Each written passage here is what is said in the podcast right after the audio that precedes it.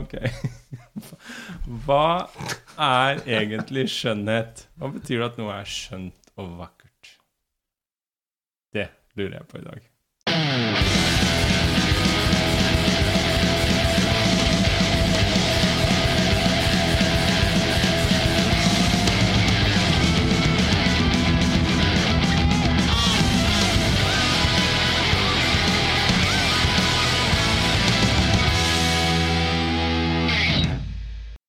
Ja, og hvis du syns det var noe rart med åpningsmelodien i dag, så eh, skyldes det rett og slett at gjesten min i dag har laget sin egen coverversjon av den melodien. Så det er den dere hører i dag. Velkommen til Einar Duengebøens filosofipod. Og i dag har jeg med meg Gustav Jørgen Pedersen. Velkommen. Tusen takk. Hallo. Eh, Du kan si litt hvem du er, kanskje? eller? Ja da. Gustav Jørgen Pedersen. Født og oppvokst i Oslo. Ja. 32 år. Nei, jeg em, er kunsthistoriker uh, som uh, jobbet mye med filosofi. Jeg tror du må snakke litt høyere. Jeg kan snakke høyere. Ja. Er dette bedre? Litt nærmere. Ja, sånn. Jobber for tiden på Munch-museet eh, med forskning der. Um, skrevet en doktorgradsavhandling om Edvard Munch og Heidegger. Døden. Jobbet mye med estetikk, undervist i det på Universitetet i Oslo. Gjort litt forskjellig. Vært instituttleder. på- Hvorfor bor du i Tromsø nå? vært instituttleder på Ja. UiT. Og flyttet opp for å lede Institutt for språk og kultur for Mm. to og et halvt år siden. Mm. Kjempefint. Eh, flott mulighet å bli kjent med nytt miljø og Ja. gjøre andre ting. Eh, men så kom denne muligheten på Munch-museet som jeg ikke kunne la gå fra meg, så Ja. da sa jeg opp. Så nå skal du faktisk begynne å jobbe fast på Munch-museet i Oslo. Stemmer. Dette vakre, flotte bygget som står nede i Bjørvika. Ja, det er helt nydelig. Helt nydelig. Men det er veldig fin utsikt, da. det er det. Mm. Fra alt som er høyt. Ja, da, Ja. ja, det er fint. Mye hyggelige folk og gode Ja. kolleger, Mm. må jeg si. Ja, det er helt topp. Ja, ja, ja, jeg har vært her. Mm. Jeg, var der. jeg gikk feil en gang, for jeg skulle fly ut og fly, og så dro jeg dit. Du gikk rett i autovernet, Jeg, dro, jeg tok Ja. feil. Ja. Du kjørte rett i autovernet? Ja. Mm. Ja da. Nei, det Det har en eh, Det blir sikkert varmere etter hvert. Jeg vet ikke. Det er, jeg syns det er rart. Det er, det er et rart sted å jobbe. Sånn dra på jobb. Nå pendler jeg, da, fra Tromsø. Det er kanskje penere enn Universitetet i Tromsø, for det er ikke så veldig pent, heller. Det har du helt feil. Det er helt feil. Det, Tromsø, det syns jeg er kjempefint. Ja. Ja, det er eh, men også sånn på hvordan det er lagt ut, og hvordan det funker, og delvis også hvordan det ser ut sånn rent visuelt. Men med den labyrinten i midten og Nei, det er jeg veldig, blitt veldig glad i, den campusen der. Mm. Den funker bra, syns jeg. Men det er jo et veldig variert campus, da. Ja. Du har vært der, Ja, tydeligvis. Ja. ja. Ja. Tromsø generelt er jo et sånt lappeteppe. Det er ikke veldig Det er det. Det er jo likhet med veldig Dårlig mange andre norske byer. dårlig byplanlegging. Det er det. Det er, eh, det er en by som det er verre å kjøre i enn Oslo. Helt klart. Jeg syns det er vanskelig å kjøre der. Og eh, vanskelig å gå, for den saks skyld. òg. det er jo Mm. ikke lagt til rette for det, i hvert fall om vinteren. Så mange folk som sykler, da. Overraskende mye folk som Altså, sykler. noen sånn koselige enkeltgater, og så plutselig sånn forferdelig stygge hoteller det, som er sånn raver oppe i lufta. Det er grusomt. Ja, det virker jo ikke helt gjennomtenkt. Det gjør ikke det. Det er, eh, nei, det er litt schizofrent. Men du har noen områder som er veldig fine, da. Nede i sentrum og sånn. Ja. Så er det jo ja, det er noen koselige smågater her. ja, Mm. Og så er det veldig fine fjell. Mm. Mye fin natur. Så nei, jeg trives godt der. Ja. Men nå er jeg her. Mm. Men i dag skal vi snakke om noe eh, lignende. Eh, Ja. Skjønnhet. Stemmer. Og nærmere bestemt, vi skal ta utgangspunkt i Immanuel Kant, denne tyske filosofen som levde på slutten av 1700-tallet og døde omtrent i, helt på begynnelsen av 1800-tallet. Mm. Husker ikke nøyaktig årstall, gjør du? 1804, tror jeg. 1804. Står Helt på begynnelsen av 1800-tallet. 1804. Han døde. 1724, Dette er hans seneste hovedverk, 'Kritikk av dømmekraften'. Og Da snakker han om mye rart. Han snakker om skjønnhet, han snakker om det sublime. Vi skal snakke om skjønnhet. Mm. Vi tar utgangspunkt i den biten. Hva er ditt forhold til denne boka? En bok Dette er jo på en måte ja, ja. en tredje av de kritikkene hans. Kritikk av Ja. rene fornuft, kritikk av praktiske Fornuft. og så kritikk av dømmekraften. Stemmer. Ja, nei, det er en bok som egentlig har betydd uh, Altså, jeg har aldri jobbet sånn ordentlig, men jeg har ikke forska på den, eller jeg er ikke noen Kant-forsker. Men det har vært en bok som har betydd ganske mye for meg i hvordan eh, For å vekke min interesse for kunstfilosofi og, og min faglige innretning. Jeg har eh, studert um, estetiske studier på Blindern, uh, estetikkprogrammet. Jobbet jo mye med filosofisk estetikk og dukka opp da med Kant ganske tidlig i, i utdanningsløpet. Og dette her var jo noe av det Ikke det første jeg leste, men veldig tidlig, da. Mm. Og kjente at det var en, det var en sånn det var sånn gjennombrudd Eller sånn Ja, litt sånn gjennombrudd for meg, da jeg følte Den der følelsen av at du forstår noe Du jobber noe hardt, og så til slutt så forstår du det, og så forandrer måten du tenker på. Eh, Mm. Og det var en sånn bok for min del, der, der det bare Å ja, det går an å, å, det går an å tenke sånn, ja. Mm. Um, og så har jeg et veldig ambivalent forhold til den etter det, fordi det var veldig fascinerende, veldig sånn godt tenkt, veldig, eh, veldig viktig på mange måter. Samtidig som jeg er ikke enig med veldig mye. Mm. Uh, og det, det, det var på en måte Kant som den, den følelsen at det er et eller annet gærent, noe som skurrer i Kant for min del, Kant sin estetikk, som gjorde at jeg fikk, ble nysgjerrig på fenomenologi og etter hvert Heidegger, Mm. som er på en måte mye dypere inne i sånn forskningsmessig. Der jeg følte at, eh, som vi kommer tilbake til, da, at, at hele den, den grunntanken hos Kant om at uh, den estetiske erfaringen egentlig er en indre respons på noe ytre, og at vi, når vi sier at noe er skjønt, så handler ikke det om at vi sier at objektet faktisk er skjønt, eller kunstverket er skjønt, men at eh, min følelse av lyst eller velbehag eh, sier at jeg Mm. føler det som skjønt. Og at det ikke skulle være knyttet opp til faktiske erfaringen, eller den, den, den, eh, som om det er et predikat, eller som det er en egenskap ved objektet. Da syns jeg stred veldig mot eh, hvordan jeg selv opplevde kunst. Og spesielt når det kommer til sublime, egentlig, da, om at, at dette her skal være min fornuftsidé om at jeg klarer å fange sanser i mangfoldet, som vi snakker om. Ja. Så din inspirasjon Ja, er egentlig i reaksjon til Kant? I reaksjon til Kant, Mm. absolutt. Men samtidig så har jeg et ambivalent forhold til det, for jeg syns at det er ting der som er veldig bra, og veldig godt tenkt, og veldig interessant, så vi kan Mm. komme tilbake til. Ja, det er jo en eh, veldig viktig bok i kunstfilosofi. Uh. Sånn jeg ser det, er det liksom kanskje en av de to største. Det er Aristoteles poetikk, Ja. og så er det Kant kritikk av dømmekraften, som er de to store. Ja. Vi har hatt en podkastepisode tidligere med Øde Nerdrum vi hadde om eh, poetikken. Jeg hørte den. Og nå får du eh, lov til å snakke om dømmekraften. Ja. dette er, jo, sånn, er du enig i at dette er liksom to hovedverker? Ja. Ja, ja. Det er to Ja, jeg, jeg, jeg ville liksom. kanskje også tenkt at bok ti i staten til Platon, eh, om etterligning, Ja. så- som har et, hatt utrolig stor påvirkning Ja. på hvordan vi forstår forholdet mellom kunst, Mm. kunst og virkelighet, Mm.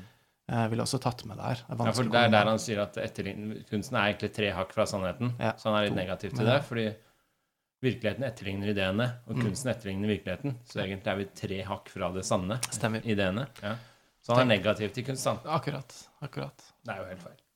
Ja, ja, ja nei, altså, jeg er ikke idealist, jeg, sånn at Ja. jeg, jeg, jeg tenker på det. Men jeg tenker at det, hvis du ser på utviklinga sånn idehistorisk, så så det til nyplatonisme og det over til hele den kristne metafysikken har på en måte vært så ekstremt pregende før du får Aristoteles inn ganske mye senere i, liksom vestlig kultur.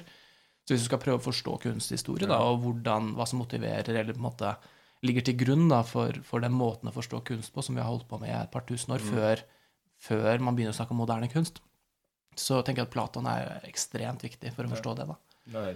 Ehm, men utover det så tenker jeg at det er jo sånn det før og etter Kant. Ja, ja. helt klart at Mm. det, ting blir jo ikke det samme igjen. Og, og mm, man kommer jo inn på et veldig jeg, jeg, Som sagt, jeg er jo kunsthistoriker, sånn delvis. Uh, sånn at jeg, jeg syns det er veldig interessant å se når når Kant kom inn i bildet, hva det som egentlig foregikk, og hva er det han responderte på. Sånn, han er ikke, når man leser bare, bare de filosofiske tekstene, så er det veldig lett å tenke at, både Munch, nei, at eh, Kant skapte en måte å forstå kunst på gjennom dette her, men han responderte på en, en, en samfunnsendring som har holdt på i flere Ja. lang tid. Nå snakker du veldig sånn som historikere. Ja, sorry. Ja, men jeg Det er, er greit, jeg er altså. det. Ja, er ja, det er helt greit, jeg bare det er sier liksom, det, den biten av det er det at, at Det er bra, det, for jeg eh, snakker ikke er- sånn, så- jeg vet det. Ja, det er, det er litt kontekst inni bildet her, da. Og at vi kan jo, det er noen ganske morsomme paralleller til debatter som har foregått i 100 år før. Kant skriver, der han bidrar til å løse noen problemer, da. Mm. Eh, Men la oss snakke ja. om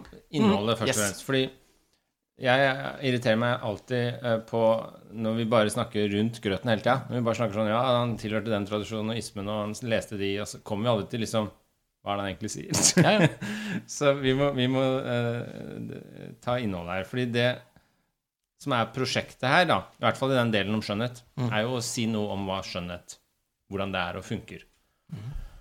Og eh, jeg tenker også at det er Sånn som i poetikken, da, aristotisk poetikken, så er jo det egentlig en teori om hva som utgjør bra kunst, sånn jeg leser poetikken. Eh, Mm. med spesielt fokus på tragedien, det teaterstykket, men det generaliserer utover det til hva utgjør bra poetikk, altså bra diktning, bra fortellerkunst. Mm. Eh, Og den brukes jo i Hollywood-skripter når de skriver filmmanus. Altså hvordan lage en fortelling med en viss suspension og sånn. Det, det, så det er en veldig sånn klassiker om egentlig en form for kunstkritikk, da. Hva utgjør bra Ja, eller kunstteori. ja, hva Ja. utgjør bra, bra kunst? Mm. Mens det Kant gjør, som jo da er veldig mye senere eh, Det han gjør, er jo eh, å så, Nå kan du si om du er enig. Det Mhm. jeg tenker han gjør, er å ta et skritt tilbake fra det. Så han snakker ikke om kunstteori. Hva utgjør bra kunst i det hele tatt? Han snakker om hva er denne evnen vi har til å bedømme noe som skjønt, og hvordan fungerer den? Mhm. Og den vil jo mange anta ligger bak eller forut for kunstteori og kunstkritikk. Altså når du skal avgjøre om et kunstverk er bra, så er det mange som tenker at eh, vi må ha en dømmekraft som vurderer bra og dårlig Mm. estetisk sett før det. Mm. Eh, slik at det er to nivåer her. Det ene er estetisk dømmekraft, som handler om hva er skjønt, og hvordan gjør vi disse dommene om skjønnhet, og så videre. Og så er det kunstteori som kommer etter eller på toppen av det. Yeah. Så Kant går på en måte bakover. Han bygger ikke videre på Aristoteles, men han trekker seg liksom enda mer dypere. Ja, sånn leser jeg de to bøkenes forhold til hverandre. ja, det tror jeg du har helt rett i. Eh, på mange måter. Altså, kan du si at Aristoteles er også inne på hva slags effekt eh, kunstverket skal ha, en vellykket tragedie skal ha, og, og at det også går på noen opplevelsesmessige kvaliteter. Men det er jo ikke det som er hovedfokuset. Nei. Det handler mer om å forstå de kan vi si, for, egentlig formale eller tekniske forholdene som må til for å oppnå den effekten Mm. som man ønsket. Mm. Eh, og det tenker jeg er ganske i tråd med den måten å forstå kunst på som, som var rådende på Aristoteles' tid, og hva han holdt på med. Og det, det er jo ikke kunst noe vesensmessig annerledes enn en hvilken som helst annen eh, håndverksmessig utøvelse. Du, du kan lage sko, og du kan lage hus, og du kan lage tragedier. Det er håndverkere som gjør det. Mm. Og det han er ute etter å skjønne, er hva er det som gjør at vi får til en god tragedie, på Ja. samme måte som hva er et godt hus eller Jeg en god sko. liker det så godt når du sier det. Det er som Mm. musikk i mine ører. Og det er jo veldig annerledes enn Kant, da. Ja. Eh, Det handler jo om at eh, kunst blir noe helt annet på Mm. 1600-1700-tallet. Altså, det er kanskje verdt å si litt om forskjellen på estetikk og altså det jeg ser på som aesthetics, estetikk, og, og kunstfilosofi, eller Ja. på fagspråket philosophy of art. Det er litt forskjellig. Det brukes litt om hverandre, men det er litt forskjellig, fordi estetikk handler jo om denne litt sånn denne kantianske ideen, denne dømmekraften vi har til å vurdere noe som skjønt og ikke skjønt. Eh, Det handler bokstavelig talt om egentlig vår evaluering av et sansemottak. Altså vi mottar noen Mm. sanser, og så vurderer vi det som bra eller dårlig. Ja. Det, er for, det er det jeg tenkte på som estetikk. Ja, jeg kan si at altså, Estetikken begynner jo med, med Baumgarten på Mm. mange måter, som en vitenskapelig Som var rett før. Kant, Ja, 1750 så har han den der estetika, og så skrev han noe litt før det òg. Men, men der er poenget til Baumgarten er jo at, at estetikk er, en, er vitenskapen om den sanselige erkjennelse. Mm. Og det er en annen type erkjennelse enn en logisk erkjennelse eller en annen måte å forstå verden på. At vi også gjennom sansene forstår på et eller annet vis. Men inkluderte han all form for sansene, ikke bare vurdering som bra, dårlig, Nei, han er ikke det. Det er, det er vitenskap og noen sanselige erkjennelse. Så er det Eh, en form for erkjennelsesteori? Ja, sånn at det er, handler ikke så mye om kunst, men det handler om at man, man putter sansene i, i sentrum Mm. og, og sier at det er noe Han var rasjonalist, ikke sant? Sånn at, rasjonalist, så det ble et stort spørsmål om hvordan skal du liksom, hva, Hvordan forholde seg til dette sanseapparatet, egentlig. Mm. Um, det, og det forholdt seg til en type estetisk sannhet hos uh, Baumgarten, men det er ikke veldig tydelig hva det er, da, så vidt jeg husker. Men, uh, men Kant tar det jo liksom et hakk videre og sier at ok, men uh, ja da, det, det estetiske, det er greit nok, eh, men eh, skjønnhet blir liksom det, det, sentrale spørsmålet, eller skjønnhet og det sublime. Og så, når du på en måte kommer utover på 1800-tallet, og du snakker om Hegel og, og alle disse tingene, så får du jo en mer sammenblanding av estetikk og kunstfilosofi. Der på en måte forelesninger om estetikken. Mm. Men det er det jeg tenker, er er sånn. ja, men det er Ja. det jeg tenker kan være litt uheldig, Mm. å blande de sammen, fordi sånn jeg ser på estetikk, da, så handler det om å, å bedømme eller evaluere sanseinntrykk. Mm. Du smaker på en suppe, og så tenker du sånn Å, det var godt. Ja. Det er estetisk opplevelse. Du ser på et bilde, og så tenker du å, det var vakkert. Estetisk opplevelse. Eller du hører musikk, og så begynner du å gråte, og tenker du det var estetisk opplevelse. Eller det sublime, hvor du ser noe som er så svært overveldende at du blir helt satt ut. Ja. Du har ikke noe rasjonalitet å fange det opp med, du blir bare helt satt ut av, en, av et jordskjelv eller et eller annet sånt. Ja. Så tenk, det er en slags estetisk opplevelse. Mm. Så er det mange mer spesifikke sånn drama, tragedie, komedie. Dette er estetiske opplevelser vi kan ha. Vi opplever noe som noe, og så vurderer vi det. Ja. Men hvis du blander det med kunstteori, så blir det jo fort litt vanskelig, fordi estetikk handler jo om positive, negative, perseptuelle opplevelser. Ja. Eh, Og det er jo ikke gitt, da, i hvert fall ikke i moderne kunst, at det er det kunsten søker. Nei, ikke Den det bare hele tatt. søker skjønnhet. ikke sant? Nei, nei. Altså, mange kunstnere søker jo å lage noe stygt, bare Ja. for å teste ut det. Mange søker å bare eksperimentere med grenser, utvide tankerom. Altså det kan være, Som vi skal se nå, det Mm. kan fort bli veldig mye mer kognitivt. Ja, absolutt. Og da er det dumt å blande det sammen. Ja, ja, eller Jeg tror det bare her, Sorry, her kommer historikeren inn, da. Men at det, det er veldig vanskelig å ikke forstå det ut, bort, hvis man ikke tar hensyn til den, den måten å forstå kunst på som kom, da. Der Ja. akkurat det med å kjempe fram en autonomi for kunsten, bort fra å være håndverk Ja. til å bli skjønn kunst, Mm. som han eh, holdt på med. Og det er noen, noen tiår før Kant også skrev, så kom en fyr som het Abbé Bateau og skrev om de skjønne kunstene forent under ett og samme prinsipp, Mm. eh, som handlet om at alle kunstene er, er forent under det prinsippet at det skulle være skjønn, imitasjon av skjønn natur. Og da blir spørsmålet hva er det skjønne, og det er det Kant også reagerer på. ikke sant? Hvordan skal vi ta, prøve å forstå skjønn kunst som en egen ting? Um, og så er det jo veldig mye kunst som ikke dreier seg om skjønnhet. Ja. Uh, og, og det er jo ikke Kant sier vel heller ikke at kunst må dreie seg om skjønnhet. Uh, han, Ja, altså, han sier jo at det finnes masse kunst som ikke dreier seg om det. Eh, for det fin men han legger jo ikke like høy verdi i det, da. Nei. Nei, det er jo, jeg syns det fortsatt er et interessant spørsmål om kunsten egentlig bør søke skjønnhet. Altså, en ting, er jo, en ting er jo om hvert enkelt kunstverk skal gjøre det. Da tenker jeg sånn, Det er jo helt meningsløst å påstå at det skal søke skjønnhet. fordi altså, jeg også ofte smaker på ting bare fordi det er vondt. Bare fordi jeg syns det er gøy. ikke sant? Mm. Altså, Du utforsker grenser på en helt annen måte, Ja. som ikke bare søker skjønnhet. Men til syvende og sist, når alt kommer til alt, og vi liksom lurer på hva det er vi bør søke, så tenker jeg vi bør søke skjønnhet fremfor stygghet. Ikke Ja, sant? Sånn men- generisk sett. Ja. Eh, Når jeg ligger for døden, så søker jeg ikke det styggeste. Nei, Da søker jeg det vakreste. Akkurat det øyeblikket. Eh, Og på en måte, så, så det er sånn forskjell på hva vi sånn generisk bør søke mye av, og hva, Ja. hva vi bør søke i hvert enkelt verk. Og det er ofte lett å blande. Ja, men jeg er ikke helt sikker på om det gir så mye mening å si liksom en generisk søken etter kunstens ypperste mål uten noen liksom, kvalifikasjoner, da.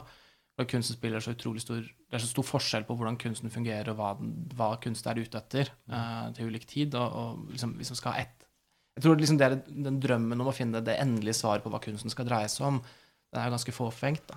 Ja, jeg, og jeg søker den. Ja, du gjør det? Ja, ja, ja nei du, Jeg søker den. Ja. Nei, det Og hva verden består av, grunnleggende sett den ene tingen. Alt skal ned til én ting. Ja. Ett prinsipp. Metafysikk. Jeg eh, Nei, her får uh, Fåfengt, miljøskade av eh, Heidegger Ja, ja, ja, om at eh, historiseringen av dette her blir Ja, det blir vanskelig. Men, eh, Men uansett. veldig interessant. Så Mm. eh, se på et par sentrale teser, da. Skal vi gjøre det? Begynne Ja, med kan boka, et par stykker. Men eh, en ting jeg må si, det kommer Ja, vi inn på nå, da. Men du, du, du Ikke sant. Ja, vi kommer jo til det nå, da. Men du snakket jo om at ja, du smaker på en suppe eller et eller annet, og du syns det er digg, og du ser på et bilde og syns det er digg. Det er jo nettopp det vi skal prøve å rydde litt opp i, for det er jo kanskje det Kant bidrar med, som kan hjelpe oss til å forstå mer om kunst i dag, tenker jeg at, at den begrepsoppryddingen i hva som er godt, hva som er skjønt, hva som er behagelig, Mm. ikke sant? Det, det er sentralt. Ja.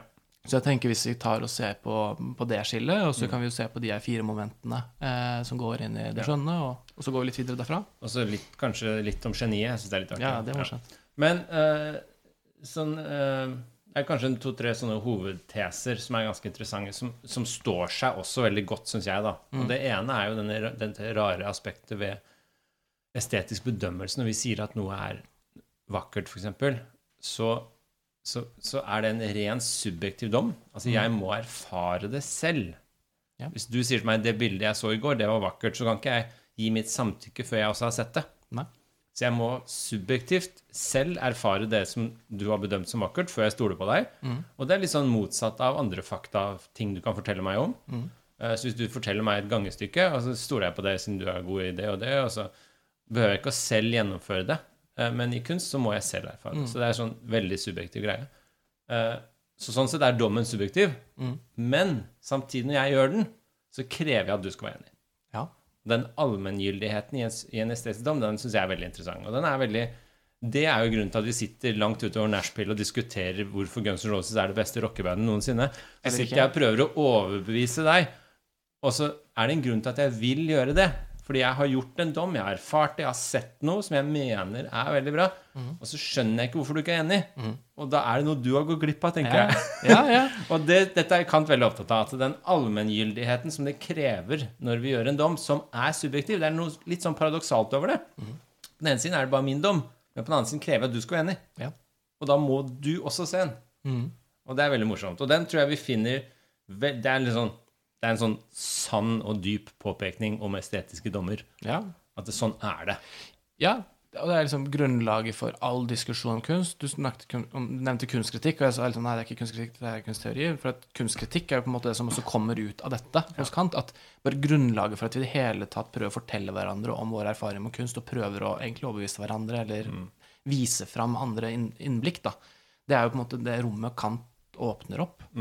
Og det er, det er veldig vanskelig å forstå noe av det som skjer senere, uten å ta hensyn til det. Så det er, jeg syns også det er kjempeviktig, en av de virkelig positive tingene man kan ta med seg fra Kant. Ja. Og så er det jo en skala her, da. Sånn som jeg har ofte brukt eksempelet med Japp og Snickers. Hvilken okay. syns du er best av Japp og Snickers? Eh, japp. Jeg syns Snickers. Ja. Ikke sant? Du tar feil. og så kan vi da diskutere Men det er begrensa hvor lenge vi gidder å diskutere hvem som faktisk tar feil.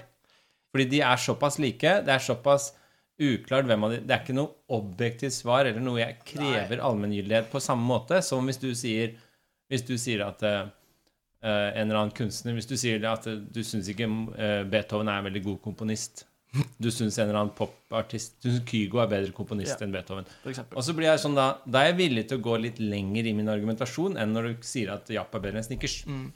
Og det handler nok om at det er noen kriterier, noe jeg har sett i det ene, som jeg ikke tror jeg kanskje har sett i Snickers tilfelle. Mm. Ja.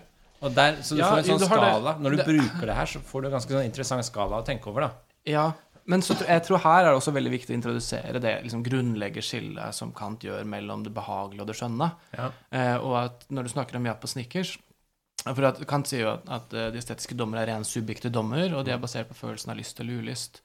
Det, og hva det betyr, er bare at det handler om min respons til det jeg ser, eller føler, eller smaker på, eller sånt.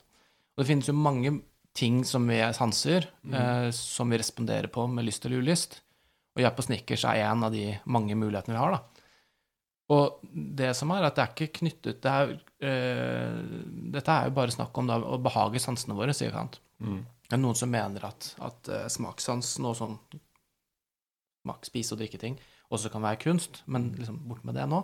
Kant mener at det, det er ingen, ingen grunnlag for å diskutere det, for det handler bare om individuelle preferanser. Mm. Og jeg tenker det, det er jo noe vi hører veldig ofte i kunstdebatten i dag. Det er smak og behag. Det, vi kan Mm. ikke si noe spesielt om det. Eh, samme faen. Eh, mens vi på den andre siden, da, så handler det om f.eks.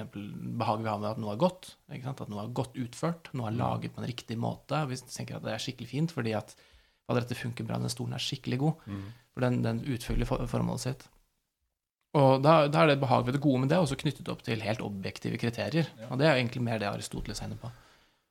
Og, og det som er kult med Kant, er jo at han prøver å finne ut denne her midtposisjonen imellom dette Mm. her, som går på f.eks. Beethoven og Kygo, da. Mm.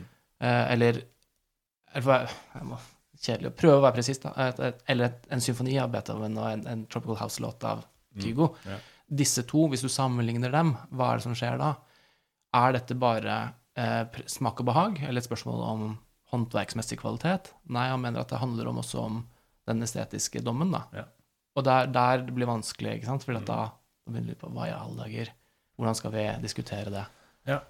Jeg er helt enig. Vi kan jo komme tilbake til sånn konkrete eksempler etterpå når vi har flere av begrepene på plass. Ja. Altså fordi jeg, jeg tror det er helt riktig det du sier, og det er jo veldig Altså, det sånn jeg ser boka, da, Mm. kritikk av, døm, uh, av dømmekraften, så er det et forsøk på å forene Altså når vi kommer til kunstbiten her, da, så er det et forsøk på Eller estetiske dommen, så er det et forsøk på å forene dette på den ene siden at det er en ren subjektiv dom, som vi sa, vi gjør når Ja. vi sier at noe er bra, eh, og den krever allmenngyldighet. Mm. Og det han prøver, er å på en måte få det til å henge på greip. Ja. Altså, hvordan kan jeg kreve at du skal være enig med noe som er en ren subjektiv dom? Mm. Så det er litt sånn som uh, i kritikk av den rene fornuft, så sier han hvordan er det mulig å ha en type kunnskap om metafysikk som vi ikke kan observere, og ikke kan bare bruke språket til å forstå? Hva er det igjen?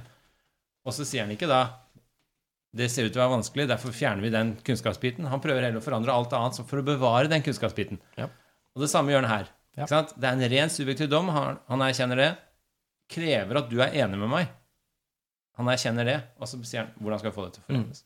Det er egentlig forsøket i Det, det som er veldig gøy med Kant, også at det er sånn Er du enig i at det er liksom Ja, ja, jeg er med på det. Jeg kan være med på det. Eh, det er jo, dette er ekstreme viljen til å få systemet til å gå opp. Mm. Eh, og det, det er noe som gjør det litt frustrerende å lese innimellom. Ja, ja. Fordi at du må, du må være med på hvert eneste steg hele veien. Men, eh, men kjempeimponerende også. Det var noe av det som slo meg da jeg leste første gang. Ja. Wow, at det går an. Ja. Eh, ikke sant? Men eh, ja, så et Mm. par andre begreper kanskje på plass også. Altså, det er jo det, det vi sa nå. Eh, og så er det denne opplevelsen av skjønnhet. Det er jo Han sier vel at opplevelsen av skjønnhet er en slags uh, subjektiv reaksjon. En slags uh, følelse av uh, Er det lyst han bruker? Lyst. Lyst og ulyst, ikke sant? Altså du får en følelse av lyst i respons med noe. Og da er det liksom viktig, tenker jeg da, at det er formene på det du ser. Han er litt vag på akkurat det her, men det er formene på det du ser, som skaper en reaksjon. Det er ikke Mm. innholdet. Nei, Det er formen på det du ser. Mm. Altså Når du ser et bilde, så er det formen Tegningen, ikke fargene. Ja, tegningen, ikke fargene. helt, Og ikke ramma rundt ornamentene og sånn. Det er liksom formen på det du ser, Ja. som gir deg en lystfølelse. Mm. Og det som jeg underviste på den boka her nå i høst, og da en erkjennelse jeg kom til når jeg leste den om igjen nå, da var egentlig at det, Hva kommer først her, ikke sant? Jo, det som jeg skjønte etter hvert, som jeg ikke hadde skjønt før nå, da, det var at eh, den lystfølelsen du får når du ser formene på ting, er, den er veldig kognitiv. Altså den, den, det, er den, det er ikke en slags lystfølelse. Du, du ser ikke en ting, og så får du en lystfølelse. Nei. Men det er mer det at du ser noen former, Mm. og så i en eller annen fri lek med dine kognitive evner, så passer den formene med dine kognitive strukturer, og så får du en slags kognitiv lystfølelse. Ja. Og med kognitiv mener jeg da ikke sanselig. Mm.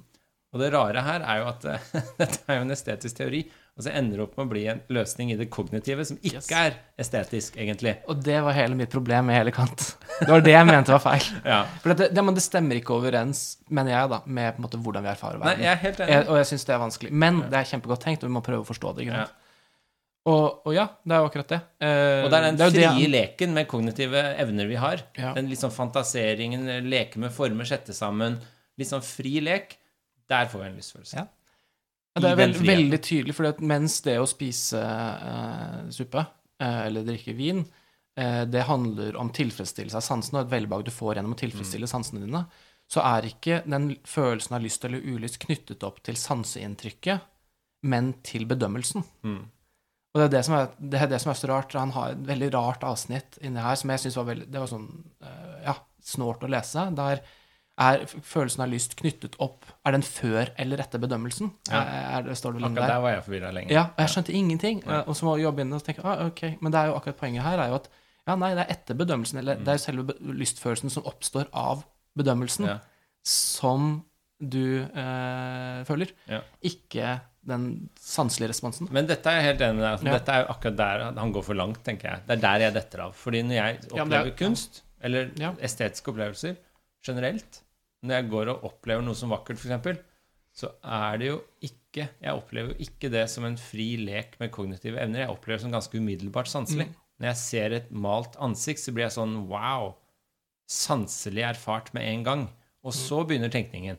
Ja. Mens han virker det som det er omvendt. At jeg skal liksom drive og leke med mine frie kognitive evner, og så plutselig får jeg en lystfølelse som ikke er sanselig. Mm. For meg er kunstopplevelse mye mer sanselig. Og jeg tror, jeg tror kanskje det, ja, det var et spørsmål jeg hadde lyst til å diskutere med deg, og som jeg tenkte på det, lese dette her, er jo på en måte Finnes egentlig det fenomenet som Kant beskriver her? Det kognitive leken. Ja, altså Skjønnhet sånn som Kant beskriver det, er det egentlig reelt? Jeg, jeg, for jeg sliter litt med det, og jeg, jeg, det, det går litt fram og tilbake etter hvert som jeg leser den, da, om jeg føler at ja, om dette treffer noe, samtidig treffer det ikke. For at Hvis det er sånn som du beskriver det, at det bare er det sanselige, så er det jo ingen grunnlag for å diskutere smaken. Det er jo hele poenget hans. Mm. Hvis det bare er en sanselig respons, så er det bare våre personlige tilbøyeligheter.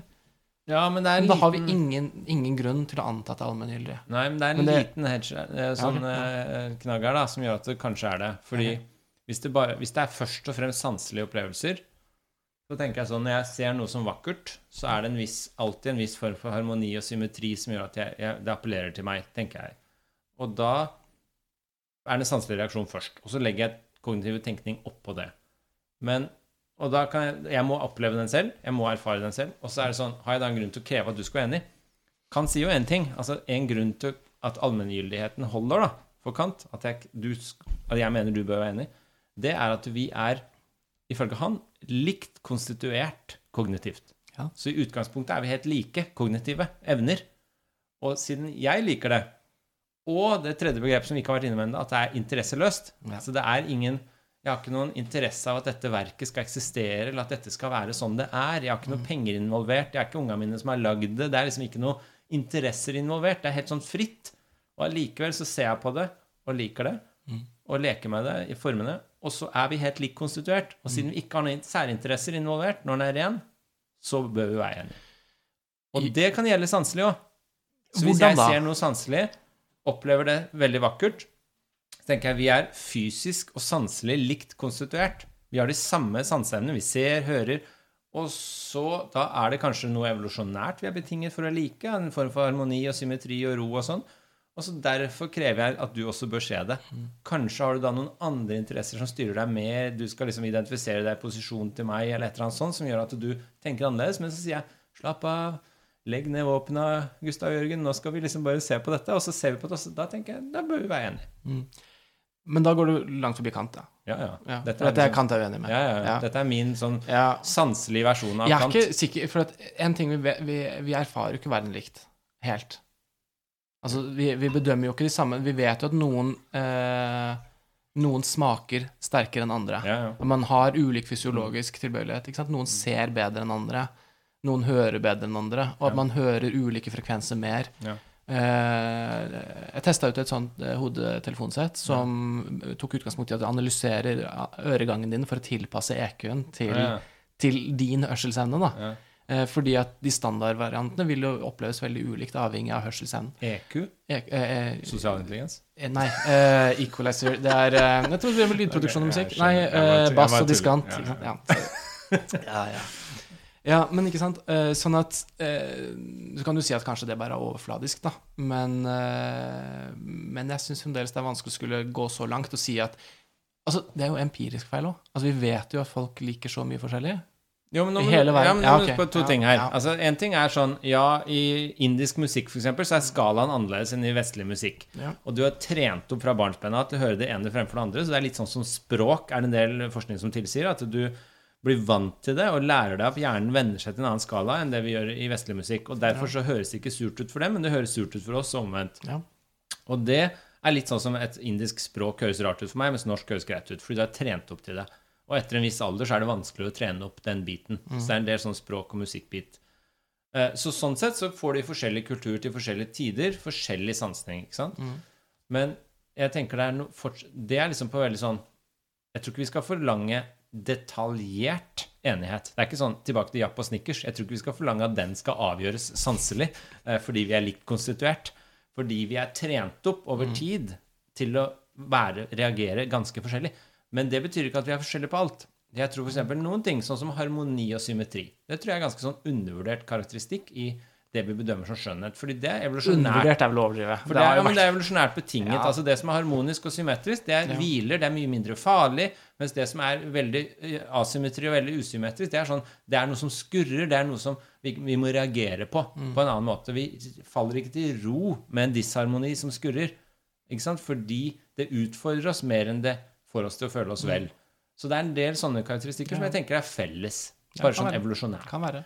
Så vi ligger på forskjellige nivåer, ikke sant? Og da er det spørsmål hvor detaljert skal vi forlange enighet. Mm. Og det er det som er interessant når du står og diskuterer et Caravaggio og et Rembrandt-bilde. Så er det så høyt nivå at du kan holde diskusjonen ganske gående, ganske interessant, ganske lenge. Ja. Snickers og Japp er så lavt nivå at Ja. det er ikke noe Og det er så vagt, og det er så likt at det er ikke noe interessant å holde diskusjonen lenge, bortsett fra litt sånn humoristisk. Ja, ja nei, nei. Ja, ja. nei, for all del. Det kan være. Jeg er ikke, For jeg tror ikke det er ikke helt fjern altså, for det, fordi at ja, på, på et vis så har vi grunnleggende betingelser som er felles, og det kan være nok til å ha et grunnlag for å diskutere smak. Det, Mm. det kan være. Og det samme bør jo gjelde kognitivt. Altså det, Folk tenker jo forskjellig òg. Ja, ja. Og les forskjellige bøker, og jo mer du setter deg inn i abstrakt maleri, jo bedre blir det for deg enn det gjør for utenforstående som ikke skjønner noen ting. Så jo mer du trener deg opp i noe, jo mer nyanser ser du. Kognitivt også. Du skjønner mer. Altså, du Ja. er historiker, du skjønner mer av de historiske trådene enn jeg er interessert i, og da blir det sånn da skjønner du mer og verdsetter mer den biten enn det jeg gjør. Men igjen, da, da vi, den, det du alt du snakker er om der nå, sånn er jo mer om Kan vi si knytta til spørsmålet om noe er godt utført i henhold til visse kvalitetskriterier, og da er det snakk om behaget ved det gode. Eh, på den ene siden, og du kan si at ja, du får mer erfaring med ulike sansning, og du får en mer ut, liksom, eh, kjennskap til ulike sansninger, og derfor mer behageligheter. Men igjen så er jo da kan prøve dette her mellomrommet mellom, da, igjen. Og si at ja, men det er noe som da ikke bare er knyttet til kunnskapen om det som jeg sitter på. Altså, ja, jeg kan sette pris på kunstverk på en annen måte fordi jeg kan noe om sammenhengen og ser at dette er interessant på en annen, annet perspektiv. Men det er jo helt irrelevant for dommen om det skjønne og den estetiske dommen. Og så kan du si at ja, ja, du trener jo opp persepsjonen, da. Du, du, ser, du klarer å se andre ting, du klarer å anerkjenne det, du klarer sånn. Men igjen, det er jo ikke altså Kant er jo inne på dette med at man skal Det er snakket om forfinelse. ikke sant? Det handler jo om at man skal ha en viss dannelse, eh, evne å sette seg inn i det, og at det er en treningssak inni bildet her òg.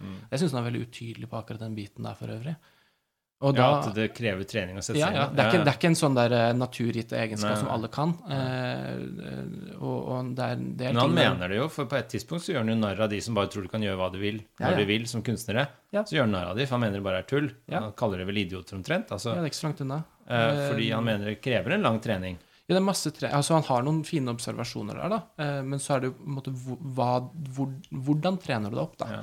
Og da mener han ja, Vi kommer tilbake til på geniet, da, ikke sant? men at du skal igjen og igjen bli utsatt for eksemplariske Ja. verk. Og, og, og rette sansningen din etter det, på et eller annet vis. Så vi kan, jo, altså. Ja, vi kan jo- vi kan ta de begrepene med en gang, for nå har vi sett okay. på allmenngyldighet. Subjektiv dom som krever allmenngyldighet. Det er det ene. Og så er det uh, Hva var det andre? Interesseløst velbehag er. Interesseløst velbehag. Det er begrepsløst. Altså, du skal være eh, du, Når du skal ha en ren eh, estetisk dom, så skal du ikke ha noe interesse av at det skal eksistere. Og så er det at det er fokus på formene. Det er et fritt spill med formene på det du ser, som er i det kognitive, skal passe med dine kognitive strukturer. Ja. Eh, og så skal det være begrepsløst. altså Det betyr at det er ikke Det snakker vi ikke så mye om, men det betyr at det er ikke Det er ikke regelbestemt, egentlig. Ja, eller nesten. Det skal ikke ha et ja, Det skal være regelbestemt, for det kommer på geniet. Ja, men det Eh, blir eh, på en litt annen måte, for det blir eksemplarisk. Altså, så det skal, det skal, det, eh, altså det, Når det ikke er knyttet opp til begrep, så har du ikke en tanke om hva det er til for. Nei. Ja. Så det har en slags Det har ikke, en, det har ikke en, en bestemt årsak som uttømmer innholdet. Ja. Du kan ikke peke på at dette er skjønt fordi det er symmetrisk, blant annet. Det vil jo være et eksempel på at Da vil du si at alle symmetriske ting er vakre, og det er det jo ikke. Så du, du, jeg, sånn jeg leser, så er det at du finner ikke en regel eller en lov som avgjør om det er vakkert. Nei, nei, jeg ikke Det er det jeg mener med begrepsløst, sånn jeg leste det. Altså, den kommer i ettertid. Vi prøver som kunstkritikere å Ja. lage regler etterpå, men det er sekundært. Ja. Og så det andre er jo Det fjerde her er vel uh, Jeg har lista her, da. Jeg Har lista? Ja, Ja. Interesseløst velbehag, allment uten begrep, Ja. formålstjenlighet uten formål, ja, den, og nødvendighet. ja. Og den nødvendigheten er også, kan vi si litt om mer, kanskje, fordi dette er jo ikke, som sagt, en regel som nødvendiggjør at noe er skjønt. Det fins ikke. Mm. Men det som skjer, er at eh, du har noen veldig begavede mennesker som lager verker som vi i all ettertid må forholde oss til. Ja. De setter et eksemplar, og så må vi sammenligne med det. Ja. Eh, og så da ser du sånn Ok, dette funka. Dette verket funka. Vi bedømmer dette som vakkert. Dette er veldig kult. Og så kommer alle etter om å forholde seg til det. Og Mm. den form, Det kaller han en eksemplarisk nødvendighet. Altså Det er ikke nødvendighet sånn som i logikk eller matematikk, hvor det bare må være sånn, men det er et eksemplarisk nødvendighet, kaller han det. Altså Det setter et eksemplar som du, du bare må forholde deg til. Så når Guns N' Roses kom, så måtte alle rockeband forholde seg til det etterpå. Ja, Ikke sant? ja, Ja, er et ja, eksempel. Ja, ja, ja, ja, Det går ikke an. Altså, når Metallica kom, så måtte alle forholde seg til det etterpå. Jo, da, det- forandrer, forandrer, det forandrer på en måte ståa, da. Ja. Og når Munch kom, så måtte alle forholde seg til det i malerkunsten etterpå. Når han malte Skrik, så måtte alle liksom Ja, det er noe vi må forholde oss til. Han Ja. satte et eksemplar. Ja. Og når Nerdrum kom, så måtte vi forholde oss til det. Ja. i all ettertid. Ja, ja. Jo. Det er sånn jeg ser det, da. Ja. Jo, jeg, jeg kan være med på det, men jeg tror også den nødvendigheten ligger Altså Som kriterium for dommen om det skjønne, da, så handler jo nødvendigheten også mer om, om det du snakket om i stad, om at vi har de felles kognitive evnene. Mm. Og derfor kan vi med nødvendighet kreve andres tilslutning. At det ligger der igjen også, da. Mm.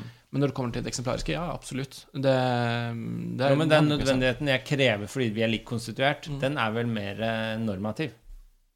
Ja. Nødvendighet. Altså jeg sier du bør like det her, fordi du, Ja. hvis du bare bruker evnen akkurat som jeg bruker det, så ser vi det samme. Men poenget er bare at velbehaget knyttet til dommen med nødvendighet, fordi det kommer fra våre kognitive evner, ikke interesser, ikke Ja. begreper, eh, og kun bare formåls, altså uten formål. Ja.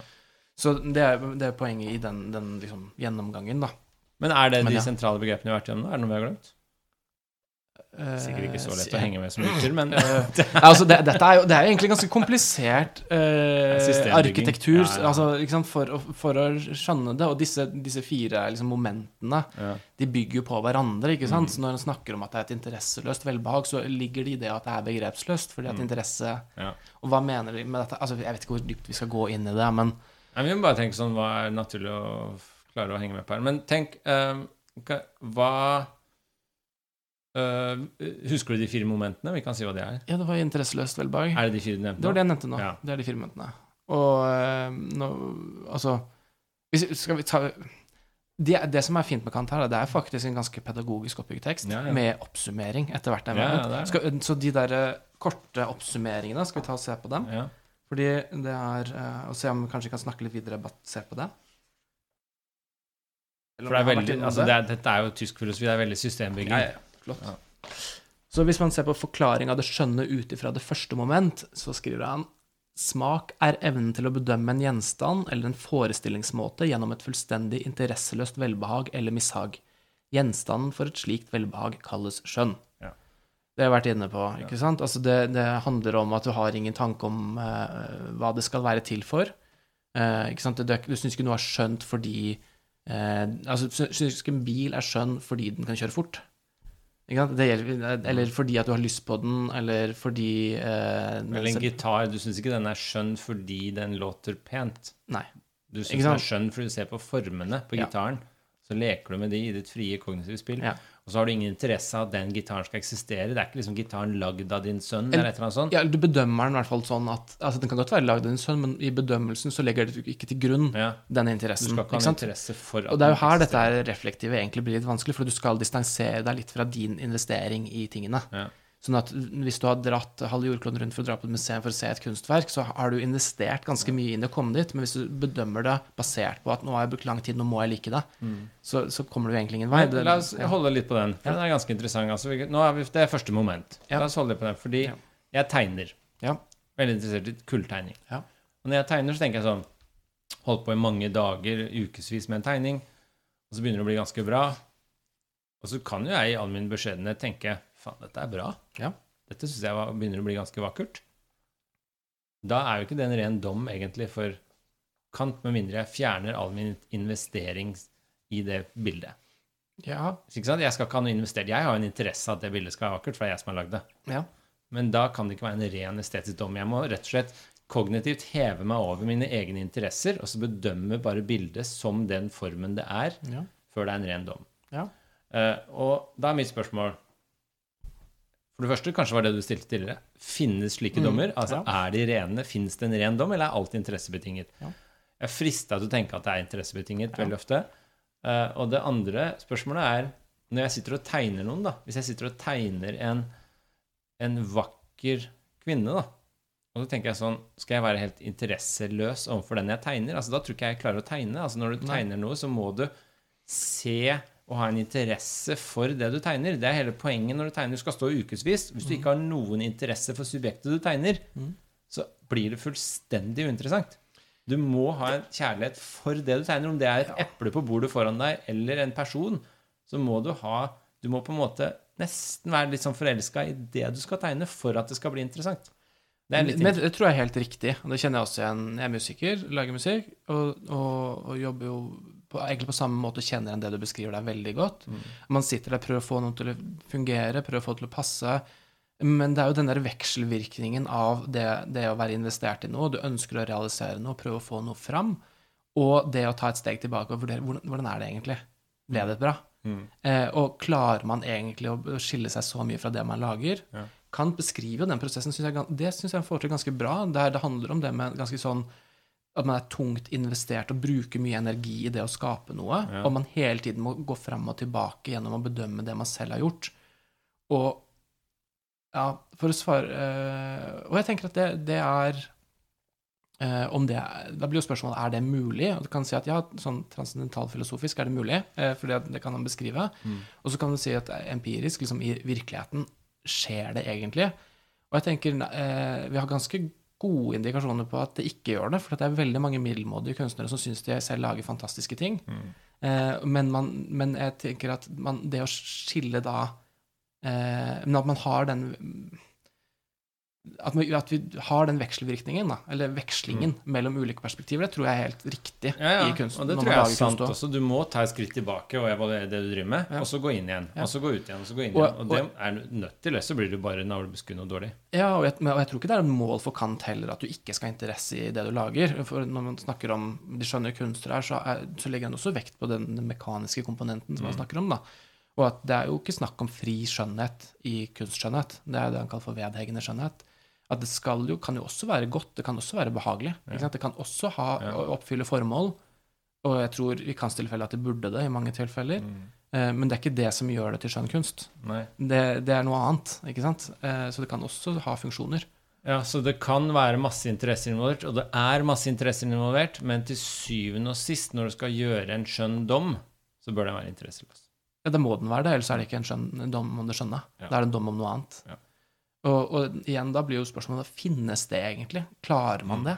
Uh, jeg er ikke sikker, men det er jo kanskje det som igjen er da grunnlaget for at vi kunne, kan diskutere kunst, da. Mm. Ja, for jeg er litt usikker på sånn Er jeg i stand Altså En måte å si det du spør om nå på, er jo Er jeg i stand til å bedømme et maleri da, som skjønt, hvis jeg ikke har noen interesser involvert? Altså Er ikke skjønnheten betinget av at jeg bryr meg? Jo, Det er det han er jo inne i det også, at vi kan jo ha en interesse i det skjønne. Eh, Det er jo ironien her, da. Ja. ikke sant? Men vi kan ikke oppleve det skjønne pga. en interesse. Nei. Så vi kan hige etter eh, eh, og oppleve skjønne ting, men vi får ikke skjønne dommer av å hige etter det. Nei, men det er, er ikke det Ja. jeg- Sånn, og, og, han mener jo at det er et mål for samfunnet eller mål for kulturen å skulle forfine seg og ha skjønne ting rundt seg. Men vi kan ikke lage men, men ting blir ikke skjønne fordi vi ønsker at det skal være det. Men i fare for å gjenta poenget enda en gang, altså er det ikke nettopp Jeg bare prøver å få det til å funke på et konkret tilfelle, da. Ja. Så jeg, står, jeg kjøpte akkurat den boka med alle port, selvportrettene til Rembrandt. Så alle selvportrettene er kronologisk organisert med fantastiske bilder av bildene hans. Mm. Og så sitter jeg og blar i dem, og så ser jeg liksom det, eh, hvor vakkert dette er, da. Og så tenker jeg sånn Min dom om at dette er vakkert, er jo, så vidt jeg kan skjønne, betinget av at jeg er genuint interessert i selvportrettet som sjanger. Mm. Det er betinget av at jeg liksom har en interesse i ansiktet for å forstå det. Og så er det betinget av en del kunnskap omkring Rembrandt, eh, hvor han er, og hva han driver med og sånn. Så hva innebærer det egentlig at jeg skal se et av de selvportrettene og så si ikke få en ordentlig estetisk dom før jeg er helt interesseløs? Det skjønner jeg ikke. Nei. Nei, Altså, det virker som det er masse interesser involvert. Det er derfor jeg syns det er vakkert. Fordi det toucher mine interesser. ja. Men eh, kanskje Jeg tror, jeg, nei, men jeg tror at for Kant så handler det om at da blander du sammen ulike ting, da. Eh, og han sier ikke at du ikke kan ha velbehag pga. alle interessene dine, men han sier at de velbehagene vil ikke være skjønne, knyttet til velbehaget ved det skjønne. Nei, men det er det jeg Og så kan du si at ja, men jeg bryr meg ikke. Det kan du Ja. også si. Ikke ja, sant? Nei, jeg at skjønner ikke engang. Nei. Og det, det er det jeg også sliter litt med, da. er jo at jeg, jeg, jeg, har, jeg, hatt noen sånne erfaringer, egentlig? Jeg For vet det, da kan det ende på at han lager en teori om estetisk dom som ikke lenger har noe med estetiske dommer å gjøre. Altså Han ender opp Nei. med et ideal som ingen oppnår. Og da er spørsmålet ok, kanskje det er et ideal som kan være interessant nok, det, jeg er ikke imot det, men på den annen side, hvis ingen noen gang oppnår dette idealet, så tenker jeg sånn Er det en riktig analyse av våre estetiske dommer, da? Nei, ja, det tenker jeg er betimelig spørsmål, da. Men jeg tror igjen at det handler mer om mulighetsbetingelsene for å åpne opp et rom for å diskutere eh, sanselig erfaring og sanselig opplevelse Ja, ja, på en måte som krever allmenngyldighet, Mm. heller enn å si at han har gått ut i samfunnet og sett på hvordan folk erfarer kunst, ja. og så prøver å forstå det fenomenet.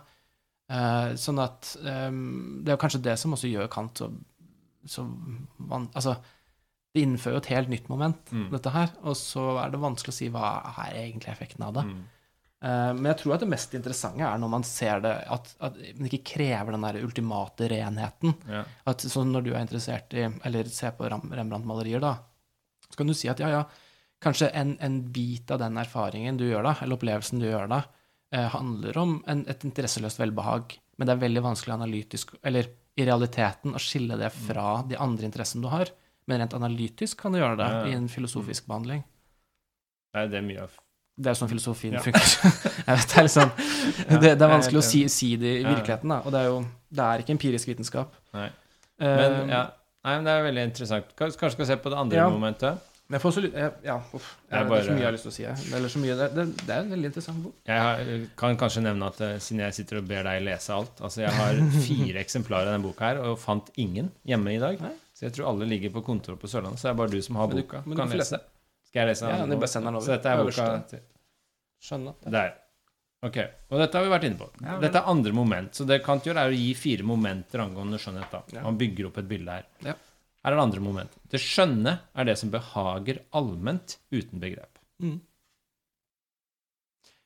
Ikke sant? Hvis du tenker at døm, dommen om det gode, ikke sant? hva er det som gjør at en hammer er god? Er at den oppfyller formålet sitt, eller har, du har et begrep om hva som skal til for å være en god hammer?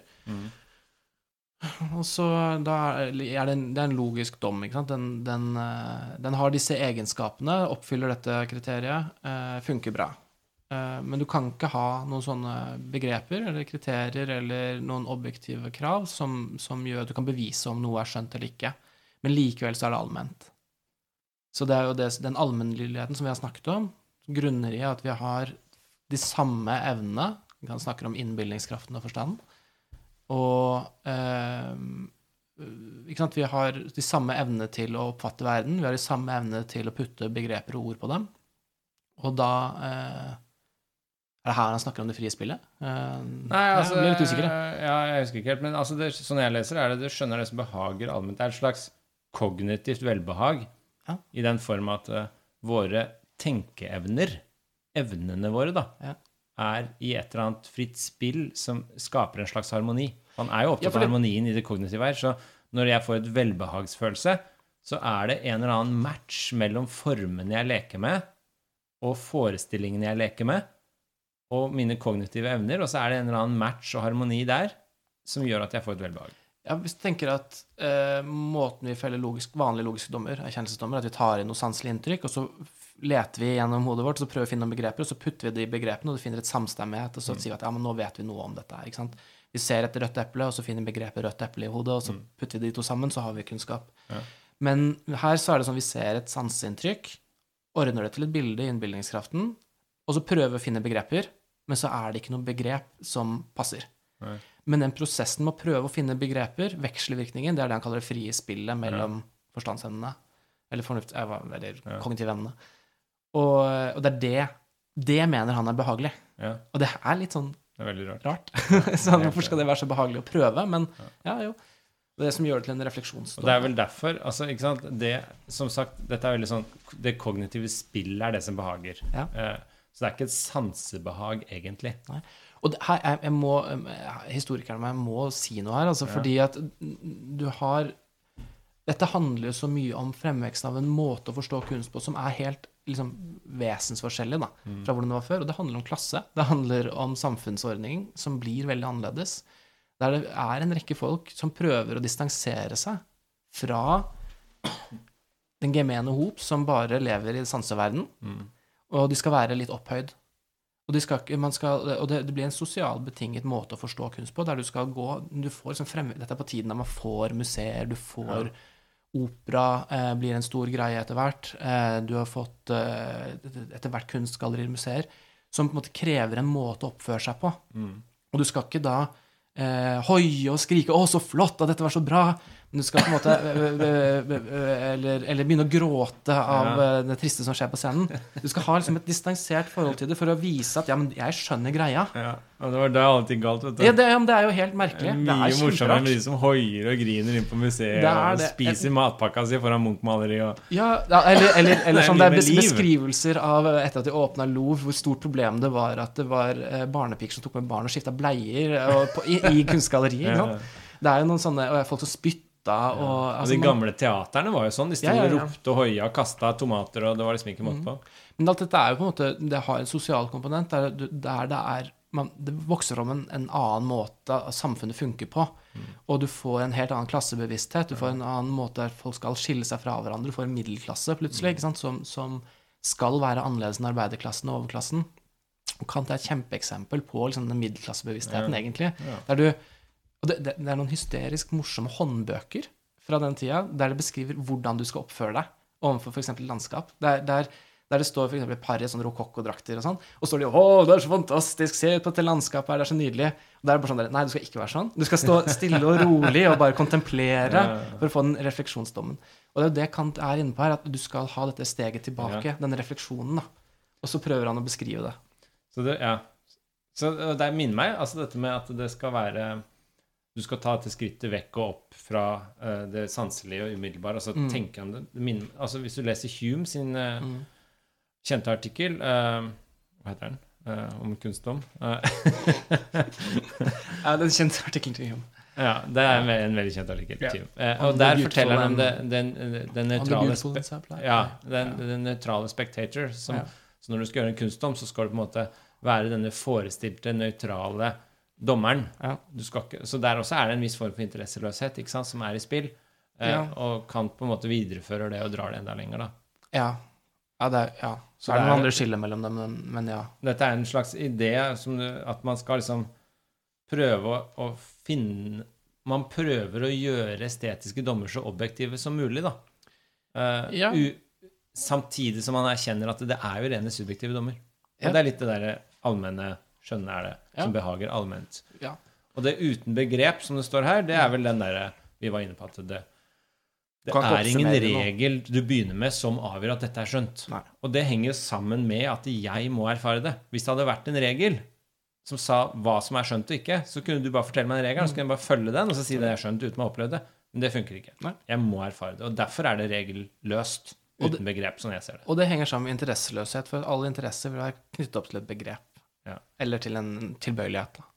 Naturlig. Sånn at igjen, da henger første og andre moment sammen. En del av arkitekturen, ikke sant. Så det er, mm. det er det andre momentet. Ja. Skal vi se det tredje med en gang? Ja, kjør på. Vi har jo vært innom alle her, da. så Ja, vi har det. slags- Men det er en fin oppsummering eh, også, da. Her er forklaringen av det skjønne ut fra det tredje momentet. Mm. Skjønnhet er formen til en gjenstands formålstjenlighet. Dette er en munnfull. Hør nå. Ja. Skjønnhet er formen til en gjenstands formålstjenlighet. Så fremt denne iakttas ved gjenstanden uten forestilling om et formål. Så, ja, alle fikk med seg den? ja. eh, men ideen er vel egentlig bare at skjønnhet, når du gjør en skjønnhetsdom og krever allmenngyldighet uten begrep, den er subjektivt erfart, og så sier du dette er skjønt, så er det formen på gjenstanden som er i spill, eh, og det er en form som er slik at den du ser en formålstjenlighet. Det ser ut som den har en hensikt, men den har egentlig ikke noen hensikt. Nei.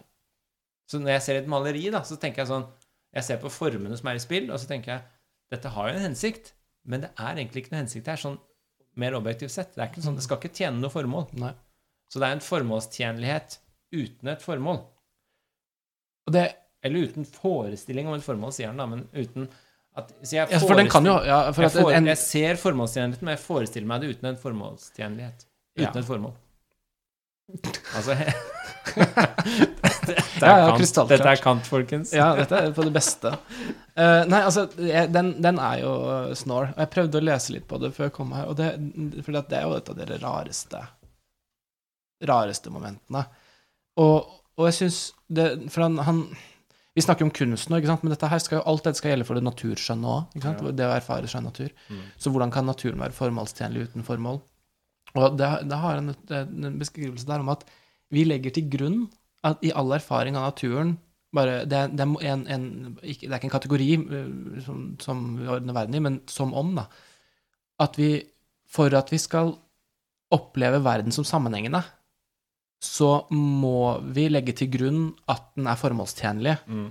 uten formål. Jeg antar at det henger sammen med liksom del Ja, ja. to, som ikke Det er er en slags sånn antropomorfisme. Da. Vi legger hensikt og formål i ting. Eh, eh, Eller eh, skjult det på teologi, da. Jeg snakker med deg, Ja. så tenker jeg at du har noen hensikter og formål og sånn. Det er veldig sånn teleologisk tenkning. Mm. Og så legger vi det på naturen, vi legger det på kunsten. Men også når vi samtidig har denne forestillingen om at det faktisk ikke er noe formål der, da er vi inne på det han snakker Ja, ja. om her. Og Og det- det, kan vi gjøre med naturen også. Ja. Og, men For det er jo jo ikke noen gud som står bak her, da. Ja, nei, ellers kan du si at det er jo liksom den veldig skyggen av Gud i, i Kants filosofi, om at den, naturen må fremstå som formålstjenlig uten at de kan vite hva det ultimate formålet er. Ja. Eh, men, men det er på en måte greit nok i naturen, egentlig, tenker jeg. At man kan, man kan se at noe er til for noe. At det, det virker som om det er i, veien, i ferd med å oppfylle et formål, selv om man ikke kan si hva det er. Han har liksom eksempel om at liten blomst eller en lille en sånn, og den, vi vet ikke hva formålet med en blomst er, eh, men kan fremdeles virke formålstjenlig. Men det er jo vanskeligere på mange måter. Eller det er også rart i et kunstverk når noe er skapt, fordi at vi er så vant til å tenke at veldig mange av de tingene vi omgir oss med, er jo skapt med formål. Ikke sant? Et glass er laget for å drikke med, eh, osv. Eh, men et maleri har for eksempel, da, vil ofte, eller et portrett, vil ofte kunne ha et formål, nemlig å fremstille en person. Eh, gi oss innsikt i hvordan en person faktisk så ut, eller utøve en viss type makt i en samfunn og den typen ting. Og så det han ber oss om, at vi skal på en måte se bort ifra det, bare fokusere på formen, måten det er formgift på, og så eh, opp, og, og mener da at den formålstjenligheten, uten at vi kan si at den er formgitt på en måte som skal føre til noe, det er det vi responderer på. ikke sant? Den formålstjenligheten. Ok, ok, kjempegodt forklart. Men du skjønner, det var ikke så veldig mye klarere. Altså. Jeg prøvde, da. Alle henger med. Ja. Nei, sorry. Men du sa det bedre. Men altså, la oss bare oppsummere nummer Ja. fjerde, for da er vi ferdig med alle momentene. Ja. Forklaringen av det skjønne slik den følger av det fjerde moment. Det som uten begrep erkjennes som gjenstand for et nødvendig velbehag, Ja. er skjønt. Yes. Så skjønnheten nødvendiggjør velbehaget. Altså den Ja, eller det Eller, nødvendige velbehaget er skjønnhet. erkjennes som gjenstand for et nødvendig velbehag. Ja. Så jeg ser denne gjenstanden, og så erkjenner jeg den som noe som nødvendigvis gir velbehag. Ja, det er ikke bare mulig. Ja. Det, det er Det nødvendig. må gi velbehag. Ja. Hvis du skjønner det og ser det jeg ser, så må du også føle Ja. velbehag. Og den nødvendigheten er det vi snakka om tidligere som eksemplarisk nødvendighet. Altså, Nei, nei her tror jeg det mener, mener Siden vi har de samme forstandsevnene, ja, så må det. så må det føre til dette velbehaget. Mm. Fordi det er der han begynner å snakke om det sensus communis, fellessansen. ja. Og at det er det, det, er Det fellesskapende eh, elementet. At eh, siden vi alle Altså vi var borte på i stad også når du snakket om at vi har felles sanseapparat, så derfor kan vi kreve Mm. eller forvente enighet. Så er det siden vi Alle mennesker har innbilningskraft og forstand. Eh, og, eller alle mennesker som har innbilningskraft og forstand, kan vi forvente at eh, vil få det samme velbehaget dersom dommen er interesseløs og uten begrep. Ja. Og bare fokuserer på formålstjenlige uten formål. Ja. og det var her dette, dette var det mind-blowing da jeg leste det kanskje første gang. At det var sånn dere Hæ? Hva, hva er dette for noe? Men ja, Men det ja, det gir mening, for jeg tror det der eksemplariske greiene det kommer frem etterpå. Det Det kommer på geniet og kritikken, det. Ja. Mm. Men det, her, det, det, det er jo snakk om da Når vi snakker om et allment altså Det er subjektivt, det er allment, men det er ikke objektivt. Ja. Og det er jo da det, det, det som blir lettere å tenke at det er intersubjektivt allmenngyldig. Ja. At siden alle subjektene har de samme forutsetningene for den samme erfaringen, så kan, kan vi, eller bør vi, kreve tilslutning Mm. til den dommen. Og folk burde med nødvendighet føle det samme, Mm. fordi vi er likt utstyrt. Og det er jo Altså, det er det noe i. Altså, sånn som, det er altså, sånn som uh, Når jeg sitter og ser på Rembrandt-portrettene, så sier jeg å, sjekk hvor vakkert det er, og sjekk hvor bra Mm. det blir utover karrieren. Altså, senere Rembrandt mye bedre enn tidlig. Sitter jeg og ser på det, og så sier jeg det til deg. Mm. Og da tenker jo jeg akkurat det jeg kan si her. Hvis du da ikke er enig, så tenker jeg det bare er noe du ikke har sett. Du har ikke brukt Ja. evnene dine sånn som jeg har brukt de, tenker jeg da. Men det, dette er mye bredere enn det skjønne, og det er det som jeg syns er også litt rart kanskje med lesekant, hvor, hvor snevert det blir. fordi at når, hvis du bare forholder deg til liksom det frie spillet og alt dette her Det er masse estetiske erfaringer vi har som fungerer på den måten. Si at du ser en søt katt. Eh, Det er en liten katt som titter opp på den, den er kjempefin, den er så søt. Jeg sier, å, den er så søt. Og så sier du nei, jeg syns ikke det. Den er så jævla stygg. Da tenker jeg du er ond. Ja, nei, ja, ja, ikke sant? Ja, men da kan vi snakke om moral òg, men det er en annen side. Nei, men ikke sant, det er jo Det, det, det, det bare føles veldig rart. Ja, ja. Eh, og det er ikke noe vesensforskjellig fra det Kant beskriver her. Nei, nei. Eh, og, og jeg tenker der, hvilke estetiske Ja, det syns jeg også er noe veldig. Nei, altså Det gjelder alle sånne typer vurderingsdommer. altså Sånn som Jim Curry, min favorittkomiker. Jeg ler høyt hver gang jeg ser han. Ja. Og så hvis du da ikke syns han er morsom, så får jeg akkurat samme følelsen. Da er det sånn, da er et det det samme? Da Er er det et eller annet du ikke har sett. Ja, og det er, det er, ja, dette vet jeg ikke. Altså, man, vil man si at humor er en estetisk erfaring? Ja, det er det. Ja. Altså, det ses ofte på som en estetisk Altså, komedie ses på som en estetisk kvalitet. sånn, kvalitet. Mm. Eh, tragedie ses på som en sånn, eh, estetisk kvalitet. Og det her.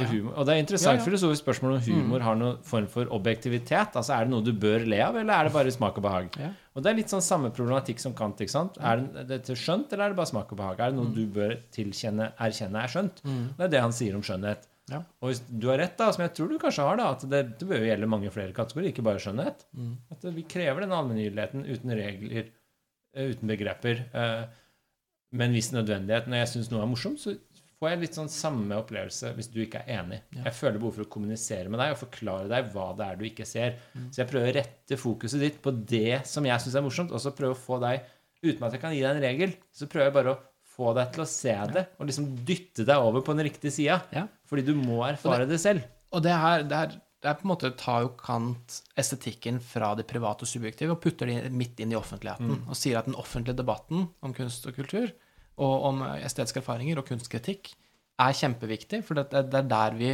prøver oss ut og, og sjekker ting. da. Og det syns jeg er eh, jeg tenker, Ja, det, det er noe veldig riktig, det.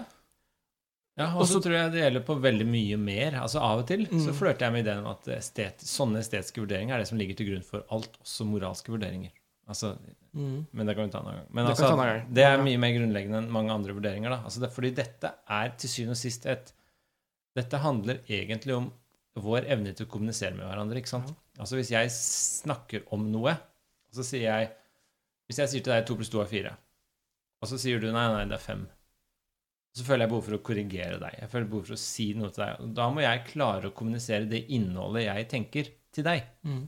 Og hvis det ikke er noe felles der, hvis det ikke er noe vi kan felles gripe, Mm. så kollapser jo kommunikasjon. For det er det som er mitt hode, og det som er ditt hode, er to forskjellige ting. Og da kan ikke vi kommunisere om noe felles. Så det må være et tredje offentlig punkt som vi kan begge fokusere på og snakke om og være uenige eller enige om. Ja, og det, det, men det er jo nesten er hele fysisk- poenget i den boka, Ja. på en måte. Men er- men, Fysiske veien er jo kremeksempelet på det. Den koppen her står Ja. midt imellom oss. Vi kan begge se på den, begge snakke om den. Den er utenfor våre hoder. Og så er det større problemer når det kommer til abstrakte objekter, når det kommer til estetikk, når det kommer til ting du ikke kan ta og føle på på samme måte. Mm, absolutt. Ehm, jeg er også veldig interessert i, hvis vi fortsetter litt på den linja, at, eh, at ja, det gjelder mange ting. Du snakker om det tragiske, det humoristiske, det komiske. eh, sånn, Men så tenker jeg også opp mot affektivitet. At eh, Affekt- affektivitet ja, Altså, du kan si at hvis du hører på et musikkstykke og syns det er trist Ja. Nå snakker vi ikke om det er humoristisk, men, Mm. men trist, eller ikke tragisk, men, eller det er lykkelig, Mm. så vil jo mye av det samme fungere. Sant? Du føler at det er en, en uh, Det er vanskelig hvis du hører på et trist musikkstykke og sier nei, jeg syns det er kjempegøy, jeg har lyst til å Ja. danse. Ja. Så det er, det er et eller annet som skurrer her, da. ikke Ja, sant? det er noe galt med det. Og det her Ja, det, det, det, er- det virker Men det, det Ja, absolutt. Uh, men, men det jeg syns er rart i dette her, da, er jo da Kan system passer jo Altså, den, den funksjonen som vi snakket om med subjektiv allmenngyldighet, det funker. Mm. Men at estetiske dommer er begrensa til det skjønne og det sublime, Mm. virker rart. Og eh, han er jo litt borte på andre ting, men da er det jo assosiasjoner vekket av estetiske ideer, som man kaller det. At, at skjønne, Og det syns jeg er veldig uklart hva, hva skal bety. Men sånn som at noe er trist, da. Eh, musikken er trist. Hvordan kan man forklare det med Kants filosofi? Jeg syns det er kjempevanskelig. Ja. Og det er jo øh, Og da øh, er, det, er det sånn at at det igjen bare er min indre respons? Eller er det noe knyttet til det objektet faktisk uttrykker? Og det er der jeg, der jeg virkelig sleit med Kant, da. Men her Hva er, tenker du om det? nei, her er et forsøk som vi Her er noe jeg har tenkt på Dette er ikke- Kant, da. Dette er litt sånn jeg drar Kant ut. Ja, ja. Ja, La oss gjøre det. Fordi en måte å starte og prøve å forstå deg på, er jo å tenke ok, vi har, eh, du og jeg, vi har eh, bevissthet. Vi har opplevelse av hvordan det er å være. Så du har en opplevelse av hvordan det er å være deg akkurat nå, som jeg ikke har tilgang til. Og jeg har en opplevelse av hvordan det er å være meg, som du ikke har tilgang til. Hvordan er det å være meg nå? Det opplever jeg. Den bevisstheten kommer med en valør, Mm. positiv og negativ. Så jeg kan ha det bra. Det kan være positivt å være meg akkurat nå, det kan være negativt å være meg akkurat nå. Ikke sant? Jeg er litt sulten, kanskje. Heller mot den negative siden. Men jeg sitter og har en hyggelig samtale og opplever det som veldig interessant. Heller mot den positive siden. Hvordan det er å være meg nå. Og så kan du tenke deg da at skjønnhet, det er en dimensjon av denne valøren. Ja. At det, når jeg ser noe skjønt, så er det en behagelig greie. Og når jeg ser noe stygt, så er det en ubehagelig greie. Mm. I min bevissthetsopplevelse. Og da kan du tenke deg at uh, estetisk dom, da hvis du tenker sånn, Nå trekker jeg en kant igjen. Hvis du tenker sånn kantiansk, så er jo en estetisk dom det er jo en slags reaksjon på noe eh, som har en valør. Det er noe positivt, denne skjønne estetiske dommen. Eh, så da er det egentlig bare en veldig komplisert forkant, da, en veldig komplisert dimensjon av den valøren. Og da kan du tenke at det ligger til grunn for komedie og tragedie og sånn. Altså det, det, det vakre i en, komedie, i en tragedie, da, når vi får velbehag med en tragedie, Mm. så er det en slags positiv valør i vår bevissthet vi opplever i, i møte med en tragedie. Mm. Et teaterstykke, f.eks. Eh, og det handler om at Da kan vi trekke inn litt Aristoteles. Det handler kanskje om at eh, jeg får en slags reaksjon, en gjenkjennelse av en følelse jeg ellers ikke ville følt på. Så får jeg en slags litt sånn forløsning av den følelsen. Så kjenner jeg på følelseslivet mitt, og det oppleves som veldig sånn berikende. Og så får jeg en positiv valør. Ja. Og det samme kan skje med komedie, det samme kan skje med vakre bilder. Og da er det i bunn og grunn bare forskjellige dimensjoner av positiv negativ valør som ligger under det her. Og så er det et komplekst spill med andre evner og sånn som går inn, så av og til det er jo et sånn interessant fenomen i estetikk at uh, hvordan kan jeg ta en, få nytelse av en tragedie? For det er jo egentlig noe fælt.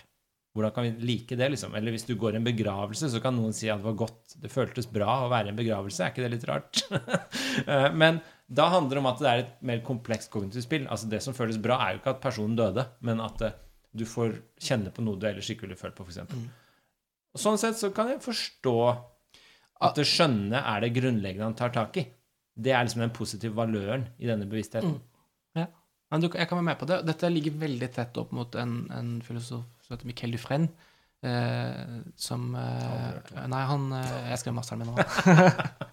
som, som, som egentlig utbroderer et system for det du beskriver der, da, med utgangspunkt i Kant og Merleau-Ponty og Sartre. Mm.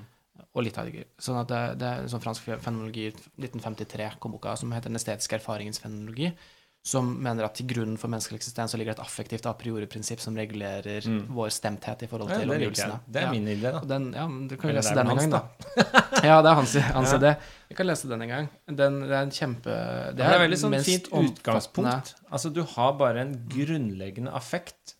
Ja, altså hele, hele Kommer med en valør. Og der tenker jeg Og, og grunn Altså, det blir litt privat, da, eller personlig, men det at jeg, det var, jeg syns at uh, Michael Lufan hadde noen fantastiske eksempler, og, og skriver ut konsekvensene av Kants uh, estetikk inn i et fenomenologisk uh, system, der du på en måte løser opp hele tanken om Eller um, går utenfor det rene liksom, interne subjektet og knytter det mye tettere opp til verden rundt. Men det er fremdeles transcendentalfilosofi. Og der tenker jeg at der, der, for min del så var hoppet over til Heidegger ganske viktig der, der eh, Heidegger snakker om eh, stemthet, ikke sant, Ja. Mm. som også er det samme fenomenet som vi beskriver nå, at du alltid befinner deg i en form for stemthet i forhold til Ja. omgivelsene, som er, virker som affektiv ladet. Mm. Men han vil jo bort da fra den transcendentalfilosofien for å si at dette er et en mer grunn, enda mer grunnleggende eh, prinsipp, da. Og for de Ja. lytterne som ikke vet hva det betyr, transcendental liksom at du graver deg bakover og hinsides og ser på prinsippene bak det du driver med. Ja, måte betingelsene for mulige Ja, så du argumenterer deg frem til betingelsene for det du erkjenner. Ikke sant? Så, så um, jeg syns det, det har vært på en måte Nå er vi inne på min intellektuelle utvikling, Mm. kan si det sånn. At det var gjennom Kant, motstanden i Kant, så var det å gå inn i fenologien. Michael Dufresne og Merleau-Ponty var veldig viktig, fordi at da, da på en måte utbroderer du masse av det som er veldig positivt hos Kant, Mm. interessant som vi er inne på her, men, men gir det en mer ærlig realistisk form, for du klarer å forklare flere fenomener. Mm. Og ikke minst for, for Different så er jo det som er viktig, at at det er ikke bare min subjektive respons, men det er faktisk noe objektivt, uttrykksmessig, som reguleres i, i samspillet med verden, Ja. som er grunnleggende affektivt.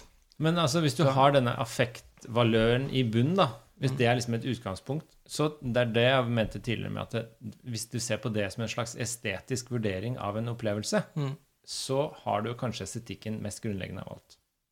Ja. da, når du ser noe som er godt eller ondt, da, moralsk godt eller ondt, du ser noen gjør noe dårlig, noe galt, så er det kanskje en, vel, en dimensjon av den negative valøren du erfarer da, Mm. som handler om atferd mot andre mennesker. Og så ser du Ja. det som negativt valør. Det oppleves som en negativ valør. Og så når du ser noen gjøre noe godt mot andre, så opplever du det som en positiv valør. Og det er noe vakkert over det gode, og det er noe stygt. Altså, her, Ja, ja, sånn tenker jeg du begynner å kan ja. prøve Kanskje, å knytte ting kanskje, sammen. da. Ja, nei, det Ja, nei, du er Ja, kanskje. Hvem vet? Eh, Jeg må tenke mer på det. Eh, Jeg syns eh, Nei, men altså at, at, at den her dimensjonen av vår måte å være på er noe veldig vesentlig og fundamentalt, er jeg helt enig i. Og, og det er for øvrig Heidegger òg, ikke sant. Altså, det er jo noe av det med at den mest grunnleggende måten vår verden åpnes opp på, er gjennom stemtheten, eller følelsene Ja. våre. Måten vi er, er i verden på, hvordan jeg våkner opp i dag og føler meg på en eller annen måte, det er den mest direkte tilgangen jeg har, eller omgangen jeg har med verden. Og det er tenker jeg på som en valør av bevissthet. ja, ja, og det vil ikke ha dyrere, da. Men det er en annen sak. Eh, Jeg tenker at bevissthet vil være avledet fra, fra den relasjonen. Men det er først når vi trer, trer tilbake og tenker jøss, hva er det vi holder på med', så vil vi bli klar over at Ja, men det er en form for selvbevissthet. tenker jeg. Ja. Altså at jeg er bevisst meg selv. Jeg tenker på bevissthet bare som en opplevelse. Ja. Ikke, Ja, ikke, en ikke nødvendigvis selvbevissthet. Så katta mi er jo bevisst, men er ikke selvbevisst sånn Nei. som jeg er. På- Vil jeg tro. Ja, vi skal ikke gå langt inn i det, da, men po po Ja, poenget fra det er bare det at det, det er jo sekundært fra Ja. vår mer grunnleggende omgang med verden, som er førbevisst. At bevisstheten er ikke det som er til grunnleggende for vår interaksjon med verden. Mm.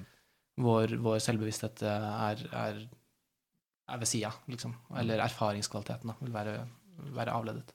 Men det kan vi Det er en annen Men det som er litt Ja. interessant her, da, for å trekke ned på jorda igjen, nå Ja, tilbake inn i virkeligheten, Yes. og vekk fra det transcendentale, så er det jo at eh, Kant er jo ikke noe veldig glad i musikk. Nei, eller kunst. Eh, eh, og, Generelt. eller han er glad i musikk, men han mener musikken er ganske lavt ned på rangstigen eh, i kunstverden. Eh, det er litt i motsetning til mange andre kunstteoretikere som er veldig glad i musikk. Sånn, mener liksom, sånn Schopenhauer mener musikken er det høyeste av alt. Ja. Liksom. Så, og det er litt interessant, fordi vi er jo begge litt sånn opptatt av, av rock. Ja. Eh, og et interessant spørsmål er jo rockens estetikk. Om det finnes en egen estetikk for rock. Altså hvordan skal vi tenke omkring rockens estetikk? Mm. Og rockemusikk høres veldig sånn gammeldags ut rock, rock'n'roll. Rock som ja. Elvis, Elvis kom Men altså, rocke, rockemusikken er jo, sånn jeg ser det, veldig sånn betinget av altså I motsetning til mye klassisk musikk, for eksempel, da, så er rocken veldig Den skal bedømmes på litt andre premisser. For eksempel da Det er veldig sånn perf, eh, performance-basert. Altså den er veldig sånn basert på fremføringen av det du gjør, fremfor nødvendigvis akkurat hva du gjør.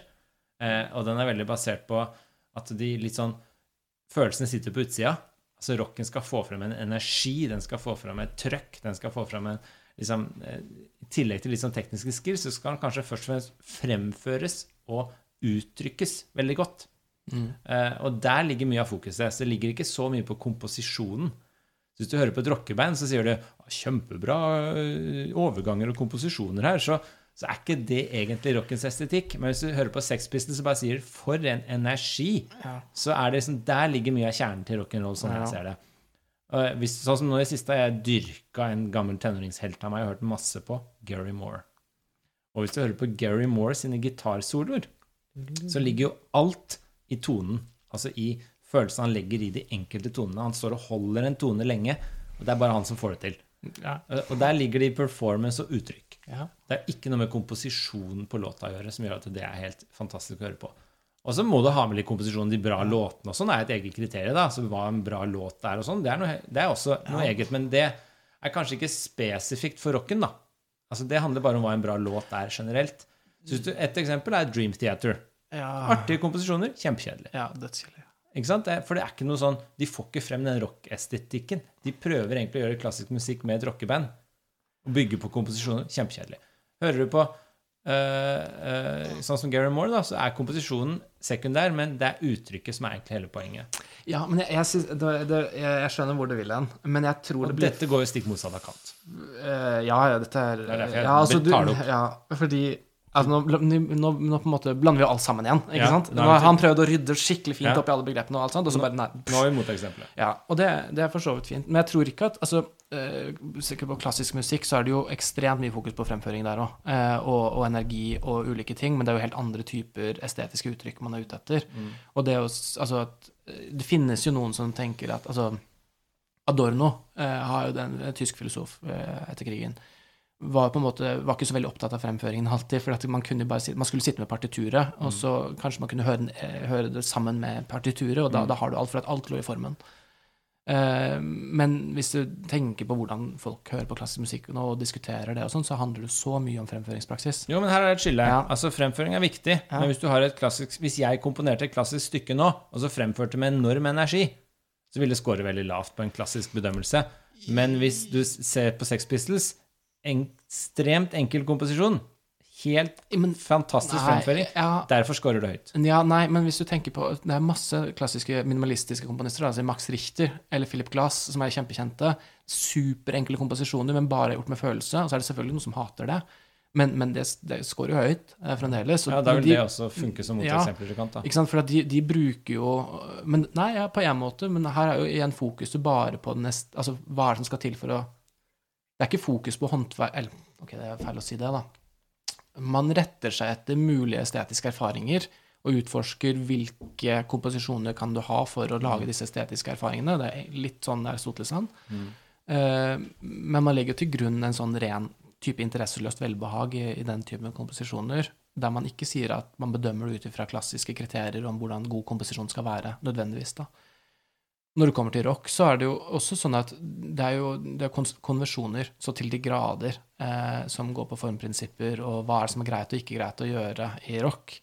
Eh, og og eh, ja, du har jo rett i at mye av det går på altså, at, at det går veldig mye på uttrykk og fremføring og den typen ting, og at det, det er ikke så farlig ikke sant, om, om hvordan ting er. Men jeg tror at også Sex Pistols var ekstremt bevisste på, på hvordan de bygde opp låtene sine, og at det nettopp ikke skulle høres flinkest ut. ikke sant? Det var jo kjempeviktig. Ja, ja. Eh, og da, da tar man jo veldig bevisste formgrep. Ja, ja, altså Det er ikke sånn at form er irrelevant, og jeg tror ikke det er sånn at uh, fremføring ikke betyr noen andre steder. Men det er mer liksom hvor skoen trykker. Ja, ja. Altså hvor skoen trykker i en rock- rockbedømmelse. Ja. ligger Nei, mer på fremføring, mer på tone, mer på følelser du uttrykker, også mer på litt sånn ganske sånn primitive følelser. Idet det blir veldig kognitivt, så blir rocken død. ja. Så, og det handler Altså, om liksom jeg- rytme, beat, det der opprinnelig skulle man jo liksom danse og svinge seg til rock, ikke sant? Ja. Og så har vi videreutvikla det Men litt. all da, klassisk musikk er jo også nesten alt er utgangspunktet i dansemusikk. Veldig mye der, sånn at du har de rettene der òg. Veldig mye, i hvert fall.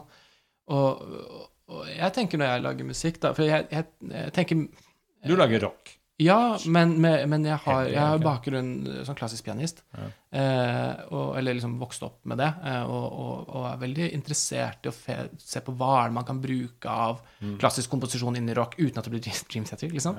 Det er jo, og det tenker jeg egentlig veldig mye om. Også når jeg hører på musikk, så er jeg ganske hard på, på formalbedømmelse av rockmusikk. Men er du, du er en rockesnobb, du da? Du prøver å heve rocken opp på et snobbete nivå, du da? Ja, det kan jeg godt si.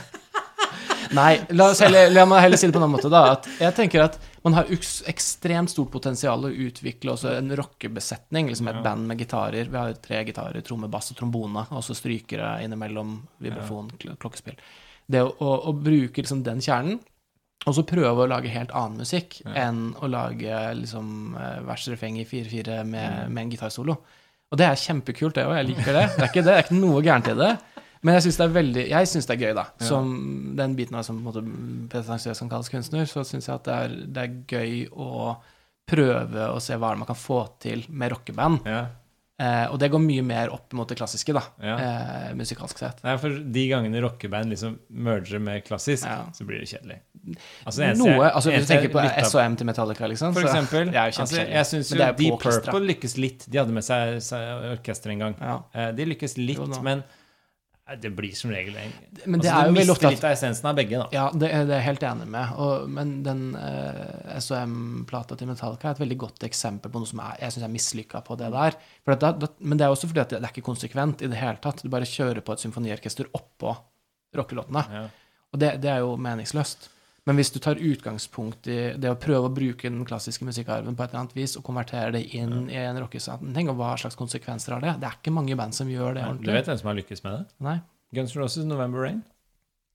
Ja, ja. ja, ja, ja. Nei, men det er ikke, det er ikke helt feil, altså. De har jo remastered User Illusion nå, 30 år etterpå. Ja.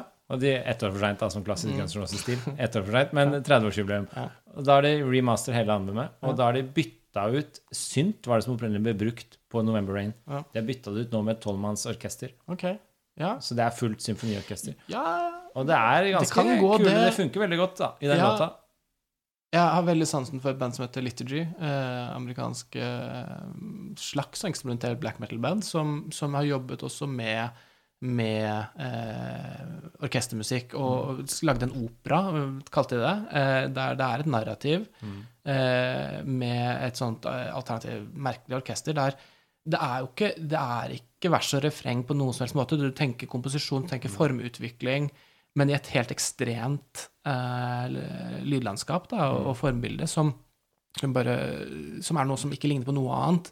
Og det tenker jeg, det syns jeg er kjempeinspirerende. Ikke? Det synes jeg er veldig gøy. Det er noe jeg strekker meg etter å få til. At det å lage musikk som på en måte ikke som ikke kunne vært gjort bare et symfoniorkester, som ikke bare vært gjort et rockeband, men det er, hva er det som er mulig hvis du tar elementer fra de ulike tingene og putter det sammen? Så rockeopera, hva syns du? om det? Jesus Christ Superstar, eksempel? Nei, det er helt greit, men det er ikke det jeg snakker om. Men det er også et forsøk på å merge litt. Ja da, det er jo det, og det, det er fint. Uh, det, jo da, det er fint, det. Uh, man har Altså, det er ikke akkurat det jeg snak, tenkte på, men ja. Jo da.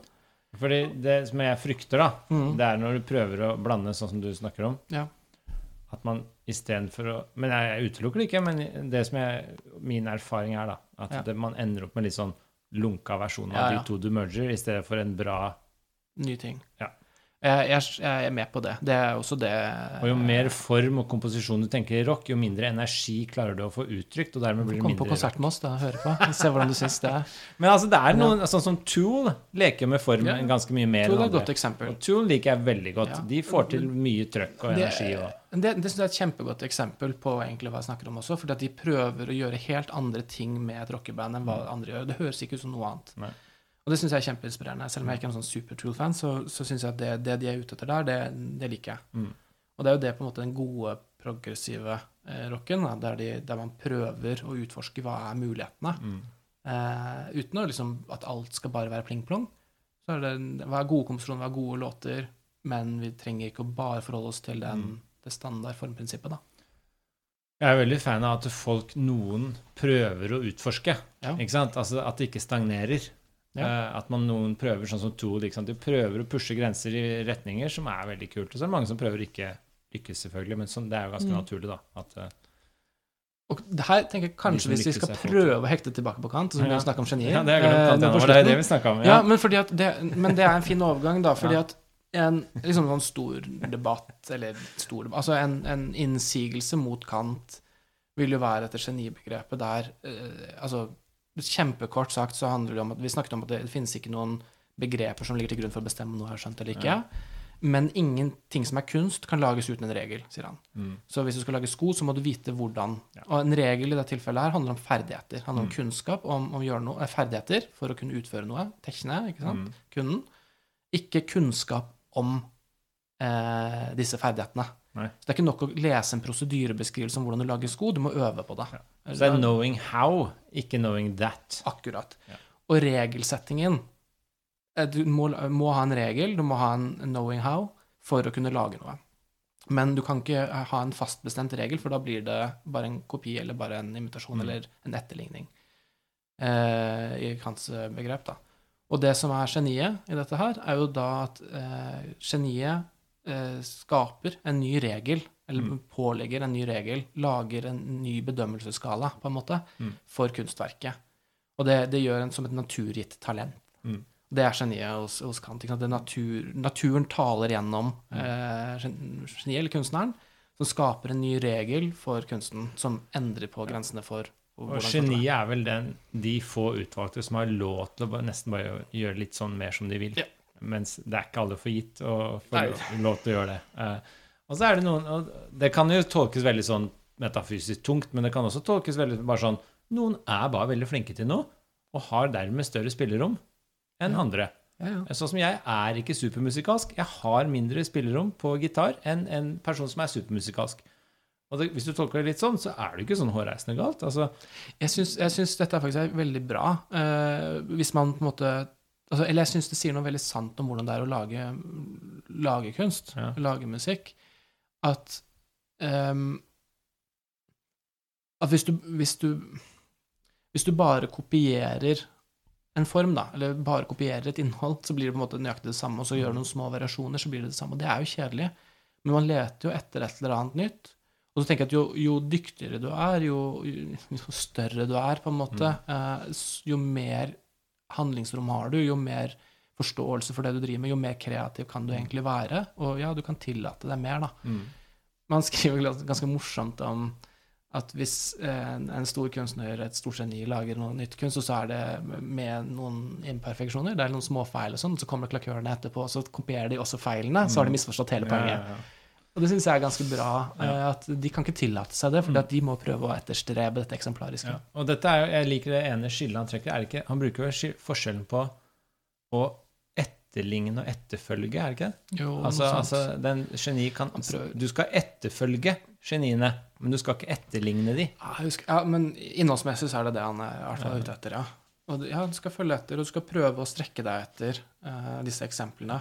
Men for å, det som er litt sånn viktig sånn Jeg tenker på sånn tegnekunstner, f.eks. For, for å gjøre det, da, for å etterfølge mesterne, heller enn å bare etterligne de, så må du først bruke ganske lang tid på å etterligne. Fordi du må tilegne Ja. deg skills. Ja. Det handler jo om sånn hvordan du lærer ting. ikke sant? Jo, du lærer ved å først etterligne noen.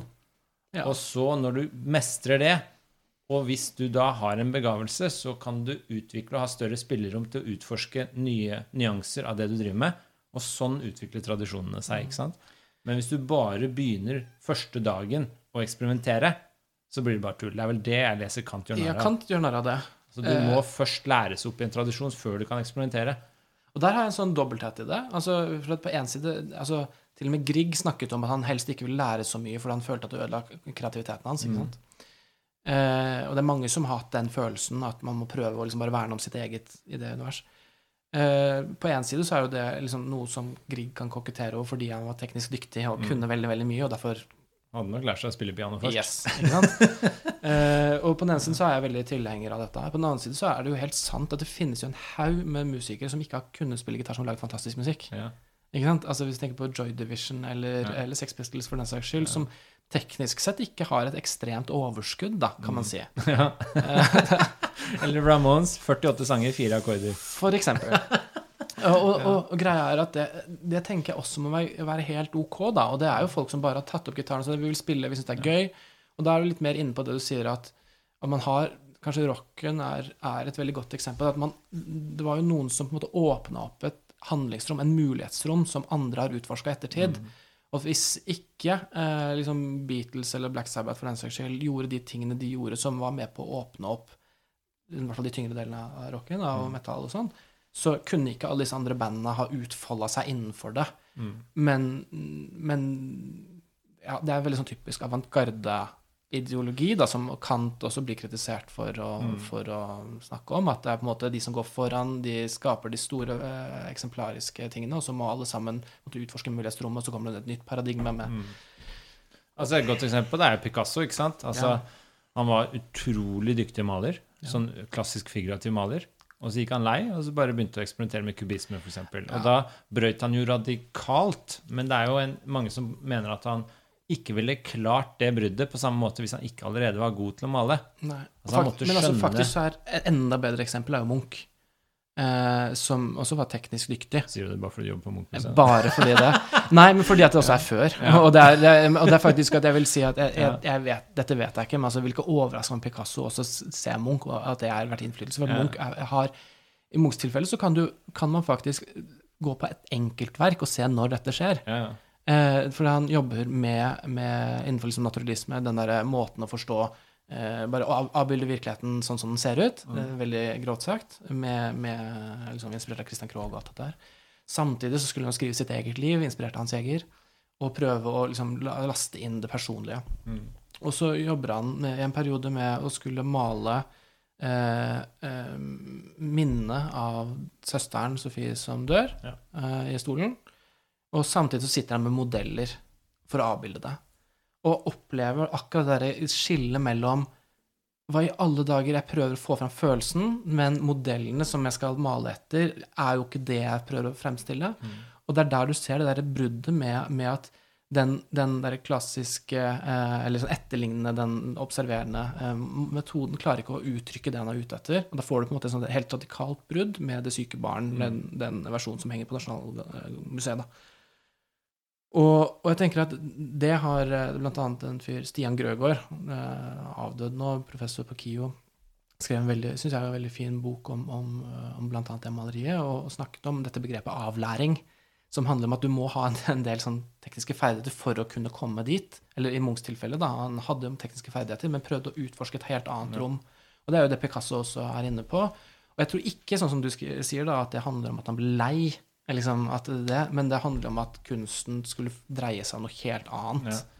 Og, og, og det er et veldig overlagt valg, og så kan man godt si at man syns det ser ut som barnetegninger og tull, men, men det handler om at hele verden forandrer seg eh, radikalt på dette tidspunktet her, og at kunstnere også responderer i likhet med alle andre i hele verden.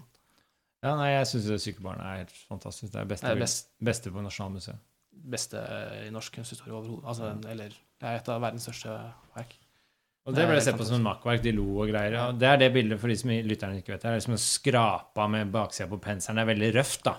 Eh, Det er, ligger lag på lag som blir skrapt ned og malt opp igjen, og er helt sånn tungt og grått. Og, man har gravd seg inn i bildet. Ja. Ja. Men ja, nei, det er jo et godt eksempel, det. Altså, jeg, men jeg tror jo Der var du vel enig? Altså, de hadde ikke klart å gjøre sånne brudd hvis de ikke skjønte grunnprinsipper i maleteknikk, Nei. i malekunst, i hva det er de prøver. De må ha prøvd mye først. Det som jeg ofte blir litt lei, det er når jeg ser kunstnere gå rett på eh, det frie uttrykket før de har på en måte lært seg noen skills. Mm. Og da syns jeg det blir veldig naivt.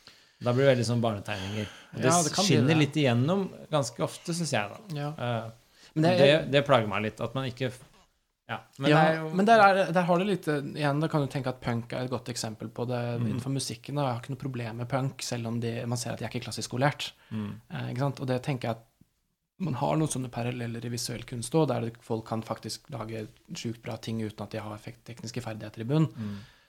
Men det, det, det krever jo sitt, da. Mm. Og det er ikke, det Hva det det er alle punk som er bra, liksom. Nei, men hva tenker du det er de lykkes med, de som klarer det? Sånn at Sex Pistols klarte det i punk. De var ikke veldig flinke musikere. Mm. Sid Vicious kunne jo ikke spille engang når han ble med.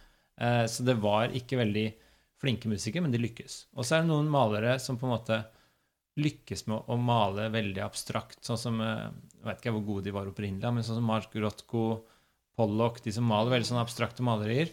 Hva er det de lykkes det, det som jeg synes er interessant, er altså, hva er det som gjør at de lykkes? Hvis du tenker på Kant, tilbake til Kant, hva er det Kant ville sagt at de lykkes med? Det For Kant sin del, eller, eh, så tenker jeg at ikke dette er så veldig problematisk. fordi at eh, For han så er det jo bare responsen til det formale uttrykket.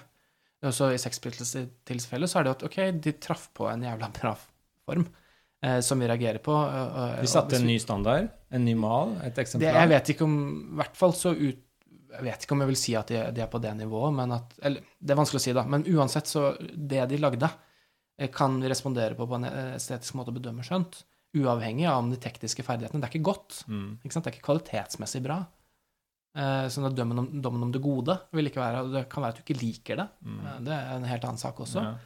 Men at det er uttrykksfullt på en annen måte, eh, og, at det treffer en del folk, og at man er berettiget til å si at men se, det er skikkelig energi, det er skikkelig Ja, ja.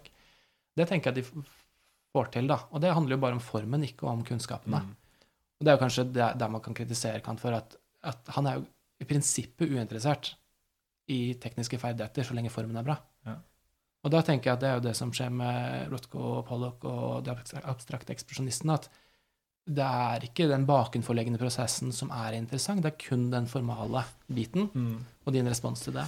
Ja, men fordi det jeg tenker at de lykkes så godt med disse eksemplene, da, det er jo eh, det du sier, men jeg tror at det det kommer tilbake til litt sånn aristotelisk idé, for vi har snakket mye i høst når jeg underviser på det om dette begrepet mimesis, dette med å Mm. etterligne noe. Han, Aristoteles sier at all kunst etterligner noe.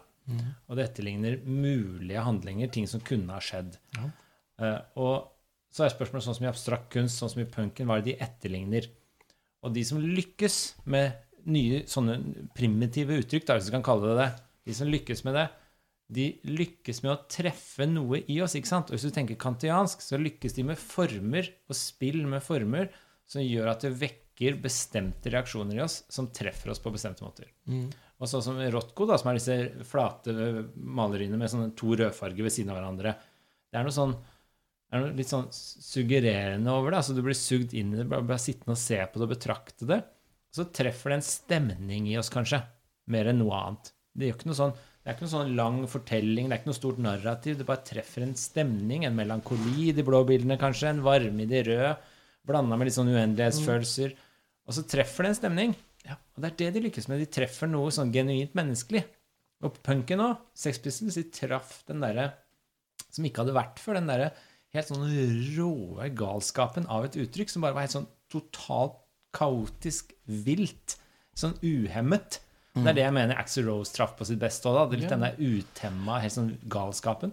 Og det å treffe den nerven, det krever ganske sånn Jeg vet ikke hva det krever, egentlig. Hadde jeg visst det, så det jo holdt på med det alle sammen. men altså, de treffer noe i oss, og da tenker jeg det er etterligning av noe. Men ganske mye mer sånn abstrakte grunnstemninger heller enn store narrativer, heller enn spesifikke følelser. Så treffer de noe som Sånn sett så stemmer det godt med Kant, tenker du ikke det? Ja, ja i så fall den der veldig utvida versjonen av Kant som vi var enige om at det er bedre å tenke enn en Ja. begrensa versjon av Kant. Det er på en måte følelser, stemninger eh, liksom Egentlig det som Michael Dufresne skriver om, ikke det Ja. han skriver om.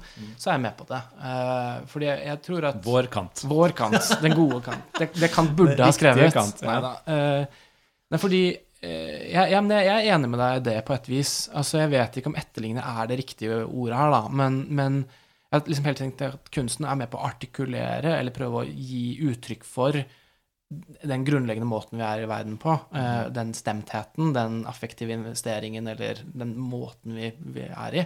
Det som du kalte for liksom den valør-tankegangen. Ja. Og der er det jo ikke noe vesensforskjell mellom Beethoven og Sex Pistols, egentlig. Fordi eh, begge deler er med på å uttrykke en måte å være i verden på, og som kanskje er annerledes på begynnelsen av 1800-tallet og på slutten av 1900-tallet. Eh, men men det, er, det er i bunn og grunn det samme, da. Og, og jeg tror også det er kanskje det at ja, det er ikke etterligning av handlinger, men etterligninger av stemthet. Eh, eller uttrykk for stemthet, eller en utforsking av stemthet, da. Som, som er her, og det tror jeg du har helt rett i. Jeg, jeg tror ikke han prøver å etterligne noe spesifikt nødvendigvis, men jeg tror han prøver å få til et uttrykk, og så lykkes han med det, og så kjenner veldig mange seg igjen i det uttrykket. Og da treffer han en nerve i veldig mye mennes mm, veldig sånn menneskelige ting, da. ja, Og når du treffer den nerven, så etterligner det på en måte noe i oss mennesker. ja, Så det er ikke sånn si at han prøver ikke å kopiere Nei. et eller annet han ser, men det uttrykket etterligner noe ved at det treffer. Litt sånn som en moll-akkord på gitaren treffer en mer sånn litt sånn melankolsk stemning enn en dur-akkord. Den treffer noe ganske umiddelbart i oss. Ja. Og litt sånn gjør abstrakt malerier også. De treffer noe. Ja. Men så tenker jeg stor Ja. forskjell på Sex Pistols og Beethoven, da, fordi jeg er helt enig med at det er en sånn lik grunnstemning i det de prøver å, å lykkes med, men det er Jeg tror sånn som når det kommer til store komposisjoner, da, så er det mye mer komplekst. Og det setter vi også pris på på et litt sånn estetisk nivå. Så vi, vi verdsetter det på en litt annen og mer komplisert måte, fordi vi, det krever også mye mer skills på mange måter, som vi også verdsetter. Og som blir- igjen, farger inn litt i våre bedømmelser. Men her blander du igjen dommen om det gode, da, ikke sant, og kvalitetsdommen. Nei, Og at ja. Beethoven holder høyere kvalitet musikalsk enn Sex Ja. Pistols, det er ingen tvil om. Ikke sant? Men tror du ikke den sniker seg inn og blander seg inn? Jo, det tror jeg den gjør hele tiden. Og jeg tror ikke vi har rene estetiske Nei. dommer. Det er jo der jeg kommer tilbake når jeg tror egentlig ikke på det, da. Eh, og at det er helt greit også. Det skulle bare mangle. Man skal verdsette eh, komplisert, investert arbeid. Men det betyr ikke at det også kan være kjempebra med ting som er kjempeenkelt. Nei, nei, helt. Eh, men, men det er litt forskjellige ting. Men jeg tror at det de har til felles, er den evnen til å uttrykke noe fellesmenneskelig, da, eller Mm. allmennmenneskelig på et eller annet vis. Mm. Eh, og, og ja, jeg tror kanskje gjenkjennelse og, og den typen ting er en måte å si det på. Eh, altså, Også at den gjenkjennelsen ikke er så fjern og abstrakt og rar. Altså Sånn som Beethovens skjebnesymfoni. Mm. Det er kompliserte greier, men den treffer noe umiddelbart. Det er skjebnen som settes bare i åpningstonene. Liksom Ja. bare sånn, shit, sånn er det. Der var skjebnen satt. Det er, det er en sånn umiddelbart uttrykk som jeg tror er ganske viktig. Når det blir veldig mye kognitive komplikasjoner, så mister vi litt den umiddelbare gjenkjennheten. Og den tror jeg kan gå for langt. Men nå er det middelklassemannen som snakker, da. Ikke sant? Det er jo det, det, at en ting har, du, har du vært borti Bourdieu altså Bourdieu, Sosiologen Bourdieu skrev jo en, en stor bok om kritikk av dømmekraften. Eller om den sosiale kritikk av dømmekraften, som han skrev på 70-tallet. Som er, er på en måte Det er et kjempeviktig verk for, også for å forstå Kant i dag. Der gjorde empiriske undersøkelser for å sjekke hvordan utfallet av smaksdommer faktisk er i samfunnet og hvordan det korrelerer med ulike maktforhold og sosiale distinksjoner. Og hvordan, hvordan det å like en ting er en måte å iscenesette sin sosiale distinksjon i samfunnet på. Ja. Og det er jo helt åpenbart når vi snakker om det, at det er ikke en, det er ikke en, det er ikke en absolutt sak å si at Beethoven er bedre enn Sex Pistols. Det, det er en, noe som er innvevd i et sosialt samspill, en, en kulturell kontekst, ikke sant? Der det, det betyr noe u, i en sammenheng, da. Og ehm, smaksdommer Det betyr ikke at smaksdommer liksom blir borte eller blir redusert, eller et eller annet sånt, men at de også innvevd i et ganske komplekst Jo, jo. nettverk, da. Ja, jeg tror det, men jeg tror, jeg, mitt poeng er bare at jeg, jeg tror det går an å Mm. summere opp altså For å si det veldig enkelt, da, så tror jeg det går an å summere opp litt verdier som gjør at vi, vi, vi liker og bør like det mer komplekse også på en eh, eh, litt høyere måte enn det. Så det er ikke det at det Sex Ja. Pistols og Beethoven da, hvis du sammenligner det, så er det ikke det at det absolutt bare sier Beethoven er bedre, punktum. Men hvis du skal forklare hvorfor jeg på en måte verdsetter Beethoven når det kommer, alt kommer til alt, høyere enn Sex Pistols, så er det ikke fordi Beethoven lykkes med å uttrykke det råe uttrykket Sex Pistols gjør, for det gjør det ikke. Det gjør han ikke. Men det er at det, det som han har skapt, da, der er det så mye, mange ting vi setter pris på i spill. Sånn, sånn komplekse komposisjoner, intellektuell kapasitet, emosjonell kapasitet, det å klare å etterligne noen store melodilinjer som fanger følelser i oss, bestemte følelser. Det er så komplekst. Og Men da- den verdien verdsetter vi Men da hos sier du at verdien, verdien i et kunstverk er knyttet opp til kvantitet av Altså en, en kvantitativ dom, da. ikke sant? At kompleksiteten er mange lag, mange ting. At jo mer, jo bedre, på en måte. Ja, litt, Og det er jeg altså. ikke helt sikker på om jeg er enig i. Eh, for at igjen, da kommer man litt tilbake til, til Dream Theater-problematikken. At ja. Ja. det er kjempekomplekst, det er supervanskelig å gjøre. Låter ikke bra. Ja, nei, de mangler, en, de mangler noe. Ja, og så er det, er det da de hadde- komplekse ting med en ting oppå? Eller er Altså, jeg skjønner Nei, ikke det sammenhengen. altså, nei, du må ha alt, da. Så hvis du skal summere opp, så må du ha med alt. Sånn som Ja. Tool, da. Hvorfor er Tool bedre enn Dream Theater? Begge er litt sånn komplekse komposisjoner og sånn, men de får til uttrykket også. ja. Det er ikke kjedelig. De får til det rå uttrykket. Og, og følelsen og dimensjonen er mye mer sånn mangefasettert enn det Dream Theater er, tror jeg. Og da er det på en Sorry til alle måte som liker Dream Theater, men altså Og her er det jo mange dimensjoner som skal med. Og det Ja. jeg tror er at når alt kommer til at vi skal bedømme kunsttyper og kunstarter og sånn, så både når vi tenker oss ordentlig etter, og eh, vi bør verdsette det som har mange flere dimensjoner enn det som bare er enkle. Og det betyr ikke at jeg bør like alltid det komplekse fremfor det enkle. Nei, Jeg nei, liker jeg Sex skjønner Pistols om morgenen for å varme meg opp, liksom. Men når jeg kommer til stykket og skal bedømme noe som en menneskelig storhet, så setter jeg ikke Sid Vicious på linje med Beethoven. Nei, Altså det, det handler om en Ja. sum av verdier jeg setter i spill når jeg skal bedømme noe som Dette bra. er, det, jeg, jeg, dette syns jeg er Jeg veldig, jeg si veldig Jeg vet du må gå nå, så jeg jeg, vet det, jeg må stikke. Så det Men, men Så vi avslutter der, ja, punktum. Nei. Jeg syns det er en kjempeinteressant diskusjon. Altså, Det er superviktig. å på en måte eh, jeg har ikke noe klart svar. Jeg jeg er ikke enig med deg. Jeg er ikke det. Eh, og, Det er bra, det er bra, eh, ja. men, men jeg tror det handler om årsaker som vi ikke kan gå inn på nå. Da. Eller det blir, som jeg ikke har helt klart for meg. Det er vanskelig å, begrunne. Men det er igjen den der, Kanskje tilbake til begynnelsen. da, at Hvis du drømmer om at man skal få til en sånn endelig kvalitetsbedømmelsesskala som kan gjelde for all tid, hvor som helst i hele verden, eh, liksom der er metafysikkens endelige mål, så tenker jeg, det tror jeg ikke på at kommer til å funke. Eh, Ikke på alle detaljer, men i Nei, nei, grove skisser. i gro Ja. jeg, tror- jeg tror ikke det heller, da. Men, men det er nå meg. Og jeg tror at, eh, at kunsten på en måte Jeg forstår det alt Altså, jeg forstår det så historisk betinget. Ja, jeg tror det er det som er problemet. og det er det at Problemet, det er jo det som er bra. Det som ditt, at du ikke gjør det.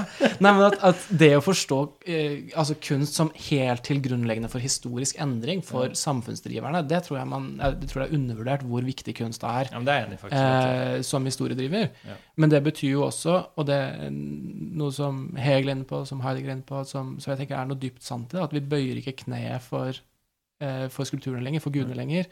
Vi, de, kunsten virker så lenge den virker, og så blir den forgangen. Og nå er den gjort til estetikk gjennom Kant. Vi sitter her og kan, kan se på antikke skulpturer eller ikoner og kirker helt uten å føle det religiøse ved det. Vi bare bedømmer det visuelt, og da mister vi noe helt vesentlig av hvordan kunsten har vært. Og jeg tenker at man må på en måte få kunsten Ja, sanselighet, energi, form, ferdighet, alt dette er bra, men den derre grunnleggende forbindelsen til hvordan vi forstår virkeligheten, hvordan det henger sammen med metafysikk, hvordan det henger sammen med grunnleggende ontologi det, Jeg tenker der, Det må på plass, da. Eh, men det er en lengre og større Ja, ja. diskusjon Nei, enn vi Jeg er enig nå. mye av det du sier der. Altså, sånn som hvis du husker vil, Hvilke personligheter husker du fra Ett minutt, så må jeg gå. Hvilke personligheter husker du fra historien? ikke sant? Jo, det er jo de store kunstnerne fremfor Det er jo ikke de lokale politikerne. ikke Nei, sant? men, men det handler jo om Altså- historieskriving. Altså, det er jo ikke, det er ikke naturgitt i det hele tatt. Det handler jo om måten man har fått fram historiefaget på disse 200 årene. Hvis du spør om hvem som var den store kunstneren på 1200-tallet, så er det ingen som husker hvem det er. Det er Nei, fordi men- at da var det ingen som skrev om det. Ja, men Tenk deg hva som står igjen, f.eks. Sånn som du går og ser Michelangelos David. Ja, Den står igjen som et sånn monumentalt verk. ja og hvorfor det?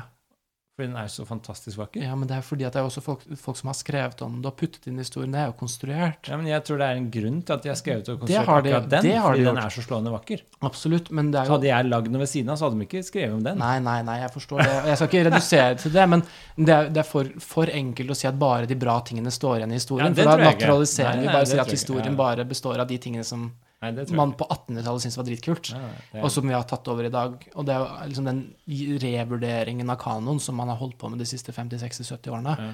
Eh, innenfor alle disipliner, inkludert filosofi, der man prøver å se på er det andre interessante tanker enn det som har blitt gjenfortelt eh, fram til nå, som er viktig. Og som kunsthistoriker så er det jo kjempeviktig å se at mitt studieobjekt handler jo ikke om bare mesterverkene. Det er ikke viktig. Det jeg prøver å forstå, er hvordan mennesket har forstått, eh, formgitt verden, og prøvd å få stått seg selv gjennom bilder og former. Eh, og, og det er interessant uavhengig av hva som ble høyt skattet Ja, ja. Nei, altså, her, som alt annet, det er en gyllen middelvei som er den sannheten her. Jeg Nei. tror, jeg tror f.eks. å revurdere kanon er veldig sunt, men jeg tror også at det kan være vanskelig å finne noe som matcher Davids, Michelangelos David. Jeg tror det er vanskelig å finne i filosofi, f.eks. Finn en ny kanon som matcher Platons, eh, Ja, ja, nei, altså, Aristoteles, er Descartes, Kim Hume og Kant. Lykke til. Ja, men revurdere kanon betyr ikke å kaste alt ut. Det Nei. handler om, altså, det, Som historiker da, ikke sant, så handler det om å, å kontekstualisere, sammenstille, få flere perspektiver inn. Det betyr ikke om at flere perspektiver skal ut. Mm. ikke sant? Men det er litt annerledes i filosofi. Det er det. Så, men det er en annen diskusjon. Jeg er nødt til å runde av. Jeg vet, derfor jeg eh, fordi pusher deg nå. eh, men, veldig trivelig. Dette har vært veldig hyggelig. Jeg liker at vi også er litt uenighet på slutten. Det er bra. Ja, bra. Jeg har fått litt kjeft for at det er for mye enighet Ja. mine podkaster. Jeg syns ikke det er noe problem. Nei. Men kjempehyggelig. Ja. Vi tar en episode til en gang, kanskje. Kanskje det. Det kan godt gjøre. Du får ha god tur hjem til Tromsø. Takk skal du ha.